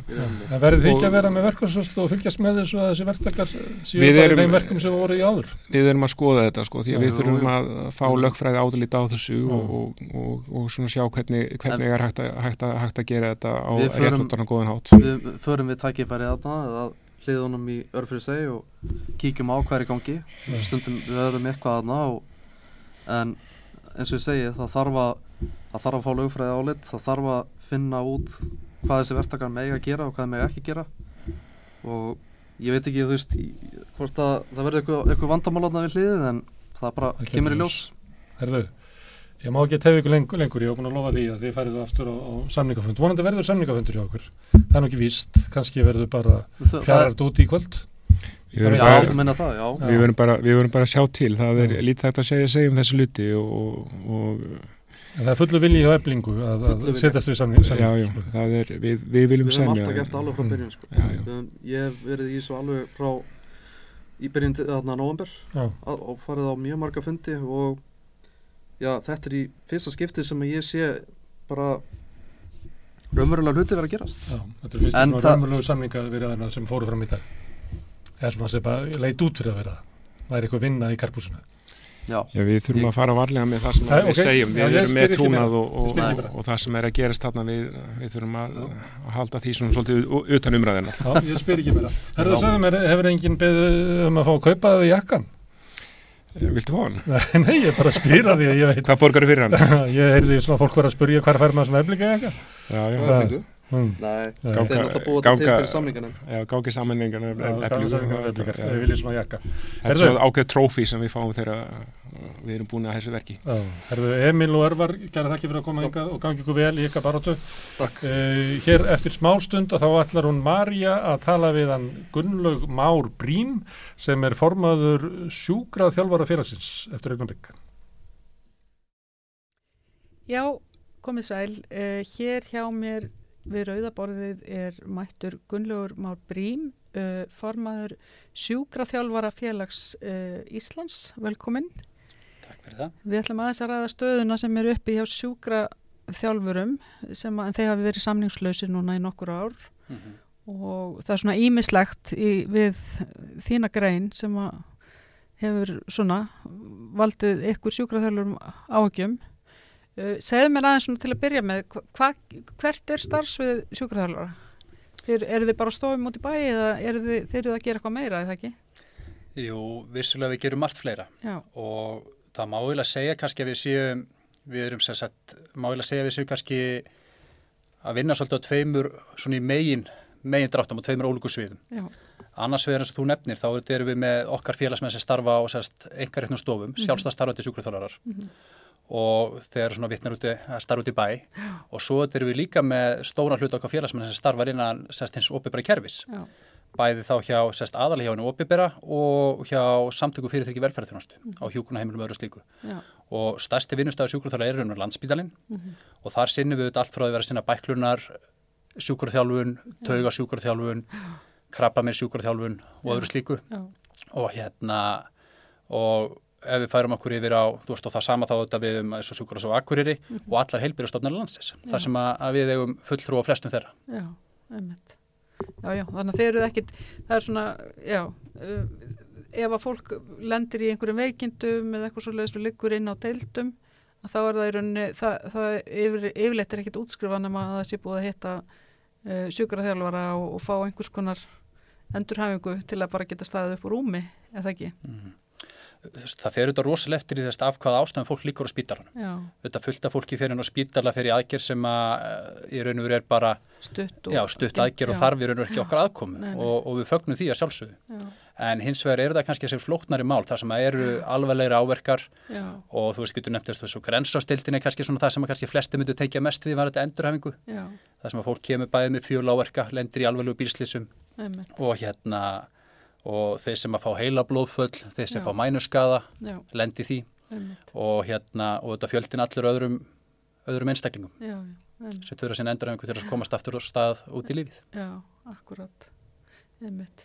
Hvað hérna, segðu mér, nú eru þið, þið eru búin að vera samningslausir núna, hvað, síðan 2019, Sko, þrjú ár. já, þarna komum við kannski aftur út í það að við erum með auðvitað sitt hvorn hópin Já, og sjálfsta starfandi félagsmenn okkar eru búin að vera samningslausir síðan einmitt. en þeir sem starfa á hennu opið bara markaðu Þeir eru náttúrulega bara launamenn. Já, þeir eru bara Já, launamenn. Já, já, en svona svo við kannski reykjum söguna svona í grófum dráttum að, að þá höfum við þetta verið á, á samningi við Sjúkutryggir Íslands sem er raunur bara sérum að semja um kaupa þessari þjónustu fyrir hönd ríkisins já, og árið 2019, 30. janúar að þá er hennu rennur þá er þetta samningur út sá samningurinn veru bara framlengdur sem sagt fram eftir árið 2019 og vegna þess að það er hann er bara framlengdur að, að því leitinu til að það er ekki tekið til til verðlags leðrættinga já, eins og erum samið í samningnum að þá í raun og veru göngum við út af þessum samningi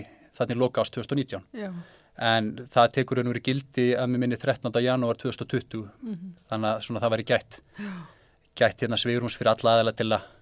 Til að, til að hérna undirbúa breytingar og annað slíkt En hvað hérna, hvernig virkar þetta sko, ég, nú, Mhm. einmitt, það eru einhverju mánuði síðan að- örkjabandalagi var með Mhm. einmitt málþing um þetta samningsleysi, uh, bæði sérkranarleikna og ykkar sjúkraþjálfara, Mhm. uh, að því að uh, þetta náttúrulega kemur mjög illa við sérstaklega kannski öryrkja Mhm. um, hvernig, hvernig virkar þetta núna sko, hjá sjúkraþjálfurum út í bæ? Nú er ég sjálf hjá sjúkraþjálfur ég veit aldrei hvað ég á að borga. Og ég veit ekki hvernig, hvernig það er hugsað en, en ég veit að það er búið að breyta tilvísanakerfinu það er búið að breyta Núna, því, já. mikið rétt, já, mikið rétt. já, Sko, um, í gróðu dráttum hvernig það virkar í dag, mm, eftir að tilvísunni kerfinu var breytt, að þá getur þú semst farið og sótt þjónustu sjálfsastafnandi sjúkraþjálfur án þess að hafa beini frá lækni í alltaf sex skipti. já, Og það er eitthvað mjög jákvæð breyting vegna þess að þessi breyting þegar að að Svandís hérna tók sem sagt þetta ákvæðu út árið Já. 2020 mhm, að þá er raun og veru jók það umtalsvert hérna ála og heilsugjastlur vegna þess að, að þá var raun og veru allir þessu umferð sem að hafði öllu jafn að komið beint til okkar já, beint að öllu inn á Einmitt. það sem allir þurfti eitt að lækni sinn og fá útskrifaða já, bæði með tilhændi álægi og, og, og líka kostnaði. Því þess að beðni kosta sjálfsög mhm, svo má svo sem deilu það hvort það er eiga kostið ekki. En, en hérna sko varðandi varðandi sko kostnar þáttökuna og sérst, hvað þú greiðir hver skipti já, að þá er kannski svona einfaldast að skýra það með því að, sérst árið 2016 stið 17 að þá var komið að fót nýju greiðslu þáttöku kerfi já, hjá Sjúkatryggum Íslands. Já. og inn í það kerfi var felt í raun og veru bæði okkar þjónusta mhm, uh, önnur þjálfun upp að, að einhverju marki þjónusta sérkennarlækna eitthvað kostnaði tengt hilsugjastlu og öðru slíku mhm, myndgreiningum. Og ástæðan af hverju það getur verið svolítið breytilegu kostnaður er vegna þess að kostnaður sem þú greiði hverju sinni fer eftir hver staða þín er innan þessara heildar greiðslu þáttöku kerfis já, og henni síðan skipta þannig að þú átt sérst hámarsgreiðslu á mánuði já, og svo hámarsgreiðslu á ári. Einmitt, og þegar við náðu ákveðnum hámörkum innan ákveðna tímarama mhm, að þá lækkar kostnaðurinn eða, eða fellur alveg niður. Og, og það útskýrir raun og veru þannig mikla breytileika og kannski svona kannski svona pínu óskýran kostnað já, fyrir þann sem greiðir. já, einmitt. En nú er eins og með, með, með læknana þá eru Mhm. þeirra þá eru þeirra hérna púsla saman einhvern veginn sagt uh, og búa til í rauninni uh, sitt eigið verð. Já, uh, hefur það verið þannig hjá sjúkraþjálfurum líka þá? Sko, vi, já, við sko í raun og veru þá rukka flestur okkar félagsmenn komugjöld í dag. Já, og ástæðan fyrir komugjöldunum er bara nokkuð skýr og hún er bara vegna þess að verðskráin sem er greitt eftir mm, af hálfu sjúkutryggur Íslands mm er verðskrá frá 2019. já. Þannig að til þess að okkar félagsmenn lækki ekki launum Mánuð fyrir mánuð. þá þurfum við að rukka þessi já. og það er eins og þú vitnar áðan í kannski eins og hérna var þetta málstónu í örkibarnaleginu Mhm. þar sem ef ég maður rétt á að vitna í það að kostnaði að vera alltaf 5 miljardar eða það er yfir ef ég maður rétt einmitt, að hérna að það er þetta bara kostnaði þá sem að hefur ofinbera með því að vera ekki með samning tekur Já. ekki þátt í. já og hvað, hvernig, hvernig sko nú, nú, nú er, er búin að segja af sér hún Marja hjá sjúkratryggingum Mm og ég man ekki hvort það búið að ráða einhvern í staðinn. Er búið að ráða í staðinn? Já, já. Það er búið að ráða hann heiti Sigurður Helgásson tók til stára Já, 1. já, februar. já, alveg rétt, herðu. Og, en hafið þið fengið, hafið þið fengið fund, er eitthvað byrjað að ræða við ykkur? Sko, við hérna óskuðum eftir samtali við Sjúkutryggir Íslands í sent á síðasta ári. Já, vegna þess að hérna við sem félag vildum koma að því að semjum kaup og kjör fyrir okkar félagsmenn Já. sem eru okkar félagi. Og í kjölfórað því þá reynur Óskar, Óskar Sjúkutryggir Íslands eftir samningsmarkmiðum Já. frá ráðunetinu aftur. Já. og þau bárust núna nýlega þannig að já, við höfum fundað með Sjúkutryggum Íslands. Ok, þannig að það er eitthvað svona reyfast við erum svona á, á, á uppáskrefunum í því að, að hérna að já, að reyna, reyna að fá þetta að reyfast og auðvitað er það von okkur að, að, að það gangi vel. Já. Herðu, en svo er, svo er fleira sem að, sem að kemur inn á uh, sjúkraþjálfun uh, og sjúkraþjálfara uh, bara stjettina. mm Uh, það er ótti við hvað, að það skorti á nýluðun í, í greininni eða hvað? í greininni. Já, sko, við erum kannski í sko, einhver liti keimlíki stöðu á við, við aðra heilbyrjastjættir Já. og ég veit að læknar út að hafa talað mikið um þetta hjúkunarfræðingar einhverju leiti en þó ég ætla ekki að yfirfara okkar raunveruleika alveg yfir á að það sé ekki, ekki með öllu sambarilegt en við samt stöndum fram yfir því að, að hérna að mönnun enga, sérstaklega eins og inn á landsbítala, heilbyrjastofnunum og, og hérna meðan sjúknars og akkurir líka hefur bara gengið mjög illa. Já, og í raun og veru erum við ekki að ná að útskrifa þann fjölda mhm, sem við þurfum til þess að mæta þessum, þessar auknu þörf. Já, og það hefur verið bóðu mikil aukning í áherslum og endurhæfingu þjónustu og, og forvarnir. Já, og það er bara hérna þannig að ef við ætlum að sinna endurhæfingu þá þurfum við að hafa endurhæfingu mentu til að sinna henni. Mhm, og það eru mjög fáar stjættir sem bera þá mentun á Íslandi. Og við erum þess að eina þeim. Mhm, og þess vegna svona þú veist við auðvitað sendum frá okkur yfirlýsingu varði landsbítalan sjálfan já, fyrir stuttu síðan. Mhm, þar sem við lístum yfir áhugjum okkar af í raun og veru bæði mönnun, aðstöðumálum mhm, og framtíðasins spítalans. Mhm, vegna sem við höfum bara séð að, að sko til dæmis inn á inn á landsbítalum einu og sér þá erum við að tala um það að, að sko greitum stöðugildum, sérst að veittum stöðugildum hefur fækkað um 13,6% núna á frá 2017 til 2022 mhm, og það hefur verulega áhrif á þá getu sem okkar, hérna, hvað sé, okkar getu til þess að veita þá þjónustu sem, að, mhm, sem við ekki máslá og geta gert. Mhm, og samhliða þessum tölum og þá líka sjáum við mikla aukningu í veikitafjárvistum mhm, þannig að sko eitt er það að raunmönunin okkar farið niður þess að skreittmönnun já, en svo er raunmönunin miklu miklu verri. Og, og þess vegna hérna ákveðu við og töldum bara nöðsælt að við myndum senda frá okkur þessi yfirlýsingu þar sem við lístum yfir áhugjum á þessari stöðu. Já. En þannig að þú, þú segir og veik, veikindi og, mm og, og annað, þannig að það er í rauninni, illa kannski skilgrend verksvið, of mikil vinna, of mikil álag, of fáment. Hvað er að Sko- valda? Eða þú veist, nákvæmlega. nú, nú þetta held ég við verðum að, líka, líka hérna og þess nákvæðin að taka frá 2017 Já. þannig við verðum ekki að taka COVID árin inn í tölurnar sko ef við með við þau eru miklu miklu verri já, já, já. kemur á veikitum og öðru slíku Einmitt. en sko var þetta, var þetta verksvið og annað slíkt að, að þá í raun og veru bara er ekki búið að takast að gera landsbytana nógu eftir svona verið vinnustad Mhm, og marga aðra vinnustæði sérst launþega í okkar stétt Já, til þess að fólk sé tilbúið að starfa þar. Já. það er raun og veru bara stóra línan. Og það kemur þá bæði við Bæði, bæði launamálin þá. bæði varandi launakjöru og annað slíkt. Já, og við erum bara í þeirri stöðin á, inn á landsbytala, við erum út á dagvinnustjett já, þannig að þú veist, við, við erum allan tímar á því að þá umbuna fyrir vaktur og annað slíkt já, en það er ákveði vandamál þegar þú ert með lága, mjög lága grunnlauna setningu. Já, og það er ekki hægt að Ekki hægt að taka kvöldvaktir eða nætuvaktir eða eitthvað svoleiðis í ykkur stitt. til þess að hafa ofan þessu á fyrir, fyrir hérna vinnandi. Já. Hvernig, segðu mig, hvernig er kynskiptingin í, meðal sjúkraþjálfara? Ef við horfum á hópin í heilsinni þá erum við að tala svona 70% konur, 30% kallar Ok, en þetta hlutfall er þó breytilegt já, og sérst er að breytast.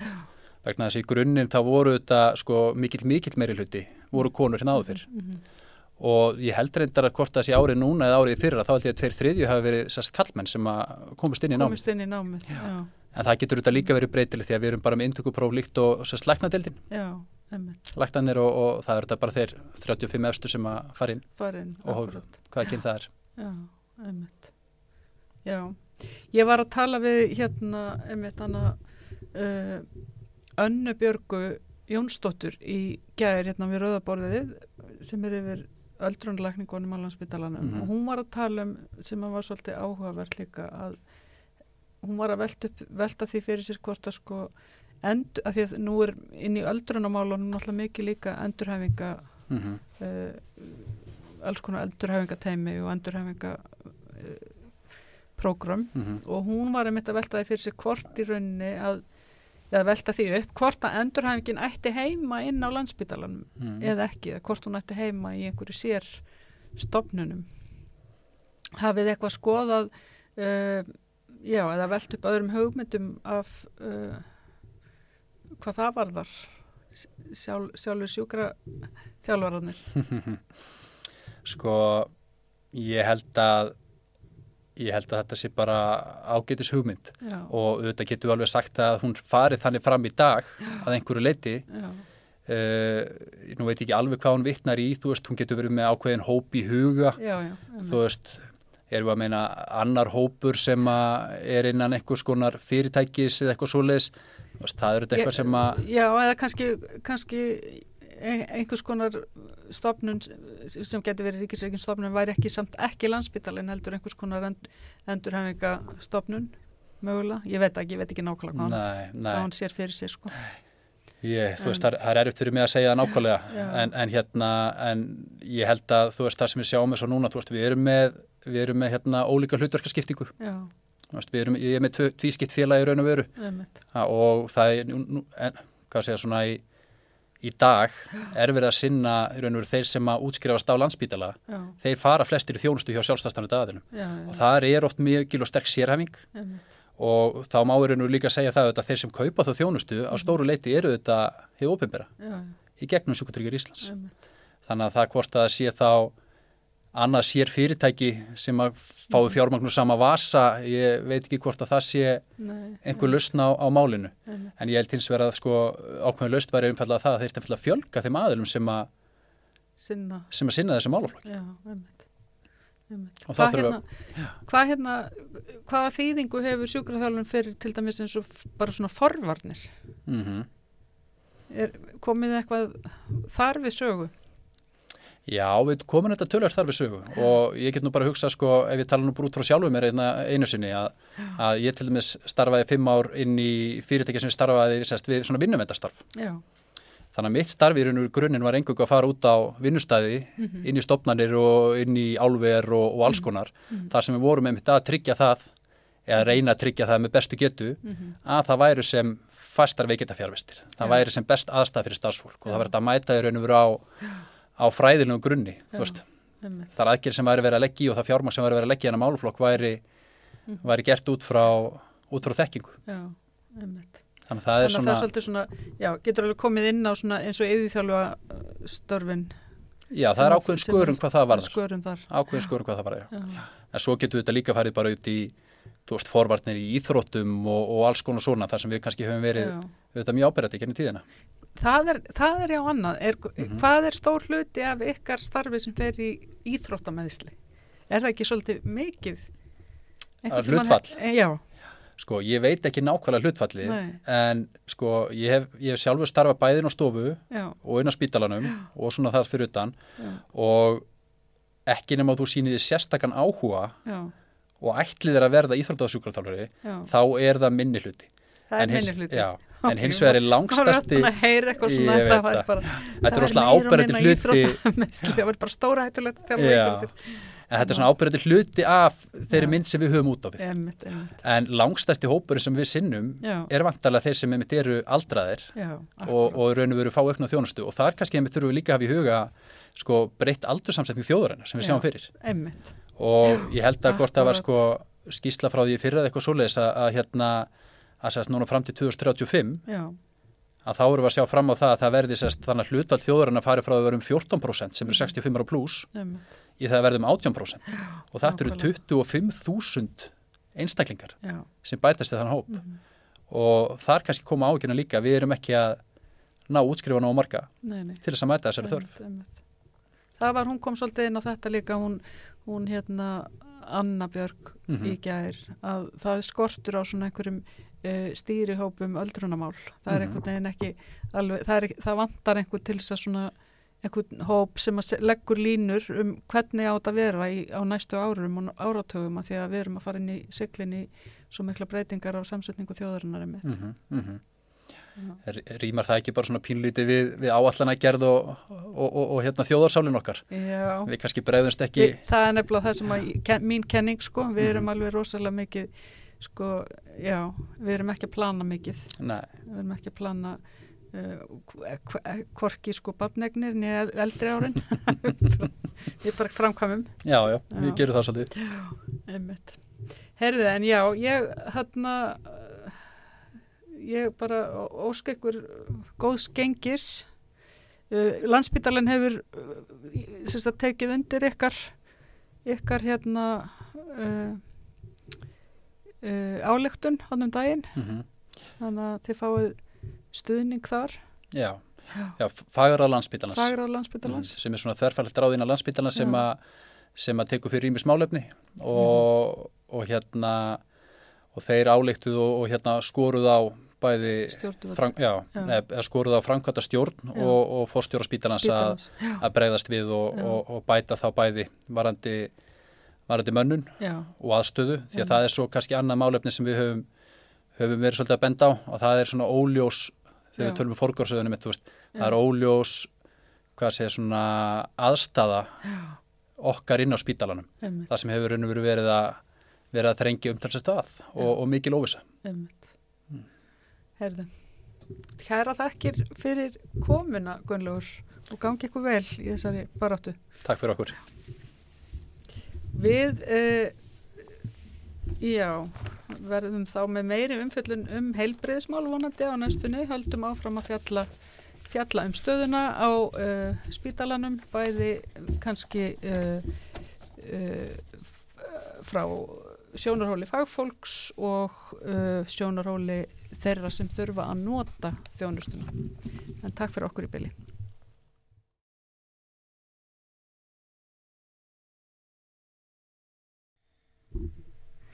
Já, komið þið sæl og velkomin hérna í Feminista frettir. Hér setjum við ég Marja Pétursdóttir og Sara Stef Hildardóttir og við ætlum aðeins að fara yfir frettir vikunar með feminiskum glerugum. Uh, fyrsta svona frett sem að mér dætt í huga við kannski myndum ræðum er frett frá um tindubörnin frá Úkrænu. Já, einmitt. Og þetta er svolítið svona, núna sérst hafa rúsnesk uh, stjórnvöld, uh, þau hafa sérst flutt hundru barna frá Úgrænu til Rúslands og komið fóstur þar og þau skila sér ekki tilbaka. Þannig að hérna, og það eru svona, það eru, það talað um í þessari frétt hjá Rúf að það eru yfirleitt svona þrjár leiðir við að flytja þessa krakka og það var sérst annars vegar börn sem voru á munaleysingahælum og í Úkrænu og voru bara flutt til Rústlands í stríðinu. Eða börn sem að hérna, foreldrarinn samþygt og senda í rúsneska sumabúðir sem er óskilinlegt og þau hafa ekki skilast þetta baka. Og svo börn sem að hérna uh, hafa orðið á einhverjum ein, ein, einhverju luta vegna í stríðinu viðskilja við foreldra sína Einmitt, já. Það er náttúrulega einhver börn náttúrulega sem eru senda af stað jafnvel einn. Maður las já, þannig fréttum manni bara stutt eftir að stríðið stríð byrjaði. Þannig að þetta eru bara saklaus börn sem verða um, raunverulega hérna svona collateral sko já, þetta er bara einmitt collateral damage í, í stríðinu í stríðinu. Það er bara að Þetta fara er- með og þetta er náttúrulega bara líka að vil, valda svona tilfinningarlegu tjóni. Já, og þetta er, þetta er svolítið svona uh, hérna uh, fyrirfram, náttúrulega maður er alltaf að fara að nota ennsku slettu sko, ég er að reyna að Mhm. finna íslensku orðin Já. sko, hérna að þetta, þetta er alveg útpælt í rauninni að í stríðiði að gera þetta að, sagt, að því þetta er svona eins og partur af, af þjóðamorði í rauninni að útrýma uh, þjóðinni úr barninu einhvern veginn, að stela barnum Já.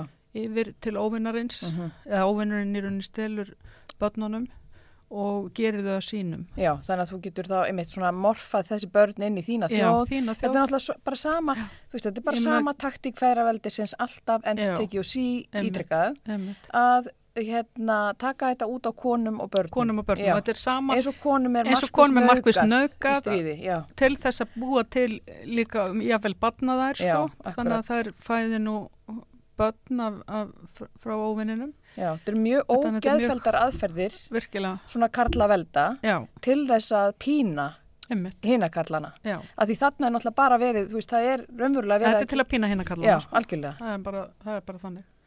Þetta er mjög svona Já. Ógeðfelt. ógeðfælt og ma- maður, svo er maður alltaf svona sko kannski að binda vonir við það að stríð fari að fara upp á einhver svona herra plattform form, eitthvað svona, því það er verið að nútíma við stríð og nota dróna og eitthvað svona rugl Verða þau ekki bara Og- viðbjóslegri fyrir Jú, vikið? en svo bara verða þau alveg viðbjörsleg og jafnvel viðbjörslegri Já, ég myndi vikið. halda. Af því þú getur umvel að búið til miklu meira rof með tækninni á ég milli. veit það, það er að þú getur setið og stýrt einhverjum dróna og drefið miljón manns og þú pælir því sko. Já, akkurat. þú veist það verður örugglega ennþá minni minni ég meina hjá þetta hefur... hermanninum Já, skilur já þú býr til svo mikla fjarlægð með þessu einmitt, já. nákvæmlega, Þannig að tæknin, sko, þessi blessaða nýsköpun, sko, já, einmitt. hún er ekki alltaf Nei, hún er ekki alltaf Herðu, hefur við að fara í næstu frétt? Já, hvað ertu með Það meira? er s- fólk að inu út að ættum hefur verið beitt mismunum, og fordómum uh, og í Danmörku Já, og af dönum á Grænlandi. löng saga Löng náttúrulega af um þessu. það, já.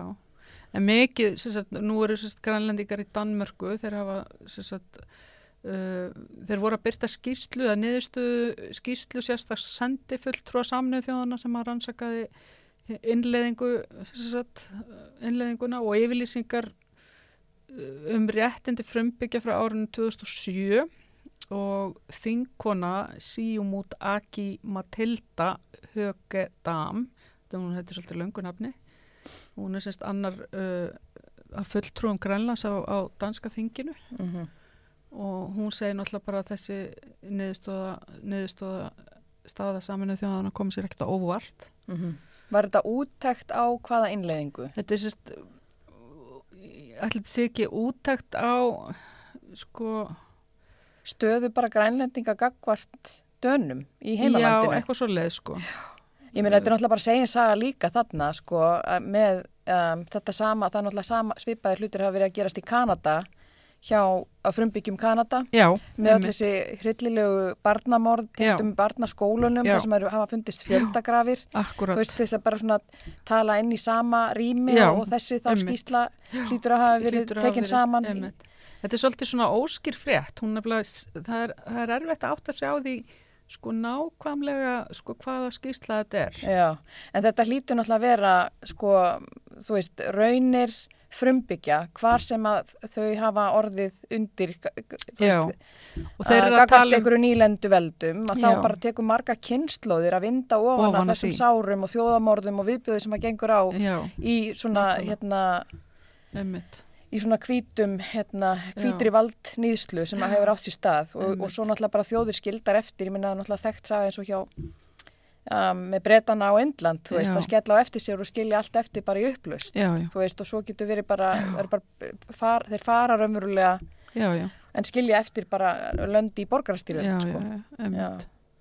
Þekkist ekki, sam- ekki Jamaica? Jú, segja? Jamaica þannig, er, þeir eru bara að drepa konan annan, sko. já, bara svona Það er- innbyrðis Það er átök. bara rosa, uh, sko, það er ekki einu svona sko beint borgarastyrjöldar. Þeir Nei, bara, þetta er bara það rosalega er bara svo ofbóðslegt ofbeldi Já, í gangi með að líbúana. Þeir eru að strátrepa hvora aðra. já, einmitt. Til þessi hvergi í heiminu jafn mikið um bara morð. Já, Þannig að, hérna, já, þetta er ræðilegt.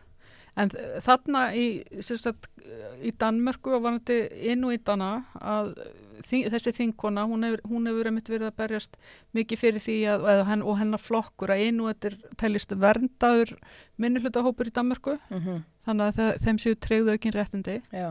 Það hefur enn ekki... Það ætti náttúrulega finnst manni í það ljósi sögunar, í ljósi sögunar, já. Nei, Það- félagsmálar áður Danmörkur. Já, þá finnist manni það nú eðlilegt. Alveg gjössanlega, Ha. þannig að það er eiginlega óskilinlegt að það sé ekki bara... Já, um hvernig annars ætlaru, sko, þú veist, þetta eru svona skuldir sem er bara ómögulegt að verðmeta eða leggja Já. nokkurt mat á, Já, nema að þessu leiti einmitt, að þú gefur bara borgurum þessara þjóða einhvers konar, hérna, þannig forsendur í nýju samfélagi einmitt. að það geti þá gagnast þeim sér þeim til hagspota. Já, já. Einhver sendi fulltrúi Hóse Francisco Calitzei, hann segir fordóma meðal annars endur speglast í ofinbæri tölfræði. Hann segir til dæmis að hlutfall heimilislausra meðal innúita sé ofmetið í Danmörku og segir slíkt draga úr trösti og fá, sí, og fá sínileg merki séu þess að ríkistjórnin taki vandan alvarlega. Mm og svo talar hann líka um þar sem er náttúrulega alþekkt sko, emittinans sko sálfræðinar, það er að sálfræðiprófin eru svo léleg Já, að það koma náttúrulega, þetta er bara eins og með svarta í bandaríkjunum, að þeir koma mikið verið út úr öllum, öllum hérna, sálfræðiprófum eða, eða IQ-testum eða einhverju svona já, þetta er bara svona coded bias, Þetta er bara þú veist, þannig að coded þetta er allt bias, bara já. allt og hvít próf Já, og, og, og, og þau, eru, millistjættar próf, þannig að Já, þú nærði aldrei þeim- að fá þau svör, eða þú Nei, veist, og þau geta aldrei líka- gefið þau svör þau eru líka bara ekkert á sama tungumáli en til að fólki talar fyrir utan úr og það, sko. þannig eru til dæmis grænlendingar kannski með ekki, ekki að tala 100% jafn góða dönsku og einfættu dani. Já, ég, bara það skekki niðurstöðuna. Algjörlega. Þannig En oft er hérna- þetta náttúrulega eins og með svona próf, um, þú veist, það eru ákveðna forsendur gefnar, ég meina, við þekkjum þetta bara svona, þú veist, hérna, hinn hvítu vesturlönd, Já, að þessi próf sem að voru öll byggð á einhverjum rannsóknum á, á hérna, ungum um, efnuðum millistjættadrengjum í bandaríkjónum að þau próf voru notuð sem einhvers konar nákvæmlega, og til þess að greina einhverjar típur sem áttu að vinna mjög vel saman, það Já, var bara já. mjög vinsæl kenning, hún er gölluð já, ég meina það var verið að nota þessar kenninga bara langt, langt inn, í, inn, í, inn á okkar tíma sko. já, já, einmitt. En það er svo skrítið einhvern veginn, nú hefur þetta alveg verið vel þekkt sko innan sálfræðinar uh, að það er svo, mér er svo skrítið að það sé séu ennþá ver, samt sé sálfræðingar eða, og, og stofnanir og ennþá að nota göllu próf í dag, af því þetta er, ég meina já, Já, kannski má, þetta eru gömul vísindi. Já, þá kannski að spyrja sig einmitt, þú veist, hvaðan hver leggur línutnar með hvernig próf skuli notuð í svona, nákvæmlega, svona uppleggi, þú veist, þannig er mögulega, já, einmitt einmitt, þannig að það er náttúrulega bara eins og Sir Humphrey sagði Já, okkur í já. Yes Minister og Yes Prime Minister, það er Já. hægt að stilla þetta allt af það er nú leggur á stað Segðu. Segðu. Herðu, næsta frétt, uh, það er sagt, uh, uppeldið var samfelt bælingameðferð. Uh, Já, þetta er Magna þetta er Arna Magna Dags, þetta er í, í kjölfar þess að hún var í viðtali í, í sagt, samtali við hana Sigurlaugu hjá Rúf já. Og já, hún sagt ber þunga bakka eftir að hafa gengið í gegnum uppeldið sem uh, Já, hún er transkona í dag Já. og er bara, var leka mitt hlutverk í áramáttsköpunu. Já, já, sem, já, já, hún er, og Hún er lék líka í kennari svörtu út á, já, sko, hún er mitt kennari Og bara bara og, og, hérna, mjög, og lætur mikið til sín taka sem sagt í aktivisma emmitt, og tala fyrir réttindum transfólks. emmitt. En ég las sko transkriftið eða, sem sagt, þú veist, eh, afritið af viðtalinu, já, já, um, já. á rúf og þetta, þetta var alveg ótrúlega hérna, harmþrungið þarna. Oft bara í gegnum hennar líf. Já, og lýsir náttúrulega bara hennar samskipti eins og við uh, föðu sinn, þú Já. veist, þessi eitraða kallmennska og þessi skadlegu karlmennsku ímyndir Já, já. sem að hérna greinilega, koma mjög greinilega í ljósið mitt í gegnum pappinar, gagvart henni. Gagvart henni, emmitt. Og svona Svo- þessi þegjandi svo- menning líka Já, já, og svo, og móðurinnar er sjúklingur, þannig að hún, hún verist ekki, og, og fíkil vantarlega, þannig að hún hefur ekki einhvern veginn fengið stuðning sem skildi þaðan heldur. Þannig Já, ég meina svo getur maður einmitt spurt sig í svona fjölskyldur sögum, þú veist, af hverju ferði að deyfa þig Já, nákvæmlega. um, þú veist, ef að, ef að hérna Einmitt. þessar skadlegu karl uh, mennsku Já. ímyndir hafa svona raunverulega eitrandi út, áhrif sko, út frá sér, inn í fjölskyldum. En svo það sem að mér fannst líka sko, já, hérna, já, hún talar um bein, beinleis pappi sinna hafi verið fullur af kvennfyrirlitningu og kallaði hana kettlingu og píku, Já, þú veist, það er alls konar svona, Já ég inn minn í er ekki á einhverjum sögu. tíma er þetta norm, eða þú veist, á einhverjum tíma um, ég held að Arna Magna sé aðeins eldri en það er ég. nú ekkit langt síðan að sko, íþróttamenn voru að kalla hvort annan í fjölmeilum kettlingar og eitthvað svona. Já, ég meina og þá í er viðtölum, já, hann- þá er þetta bara hluta bara normi. einhverju normi. Þú fyrir ekki að væla yfir því. Það ætlar að vera, einmitt. Þannig að, já, en allavega, það allavega þakka- það var annað viðtal síðan í heimildinni mm líka uh, sem að var við transmann sem að, mér fannst svo aðteklisvert að, að lesa bæði þessi viðtöl. Og uh, hún uh, transmaðurinn sem áður var stúlka uh, gengur í gegnum sérst, mjög erfiða æsku líka og mikið einelti og, og bara erfiðleika við að uh, settast við líka maður sinn og eitthvað svona Mhm. og, og er hérna og er líka klíma við í, í æsku alla þessar staðalmyndir uh, sem að konur finna fyrir skilur þú átt að vera grönn og þú átt að vera svona hins einn og eitthvað neginn og Mhm. var það ekki -hmm. og, og var bara einhvern veginn að upplifa rosa svona hérna svona ofan á í rauninni það að finna að þú ert ekki réttu kyni sko Mhm. þannig að hérna og svo verður hún uh, sérst, svo, svo nær hún að, að koma út úr skápnum sem transmaður og þá, þá fer sérst hann uh, honum að líða betur Mhm. og lífið verður mikið bjartara í Mhm. smástund Mhm. þar til uh, að einhver karl nöðgar honum Já, aftur já, og þá einhvern veginn Eða, sem sagt, ég segi, já, ég segi Já, aftur sko aftur, fréttir frá hérna feðraveldinu. Já, einmitt. þú veist, það sem gengur á með svona ofbeldi að hérna, þetta er náttúrulega ótrúlegt þannig að hann hefur sjálfsagt ekki átt von á því að það er því eina af hans fyrstu Nei, reynst, Reynslum reynslum við að vera Já, sem út þegar sem hann er komin í sitt rétta já, nákvæmlega.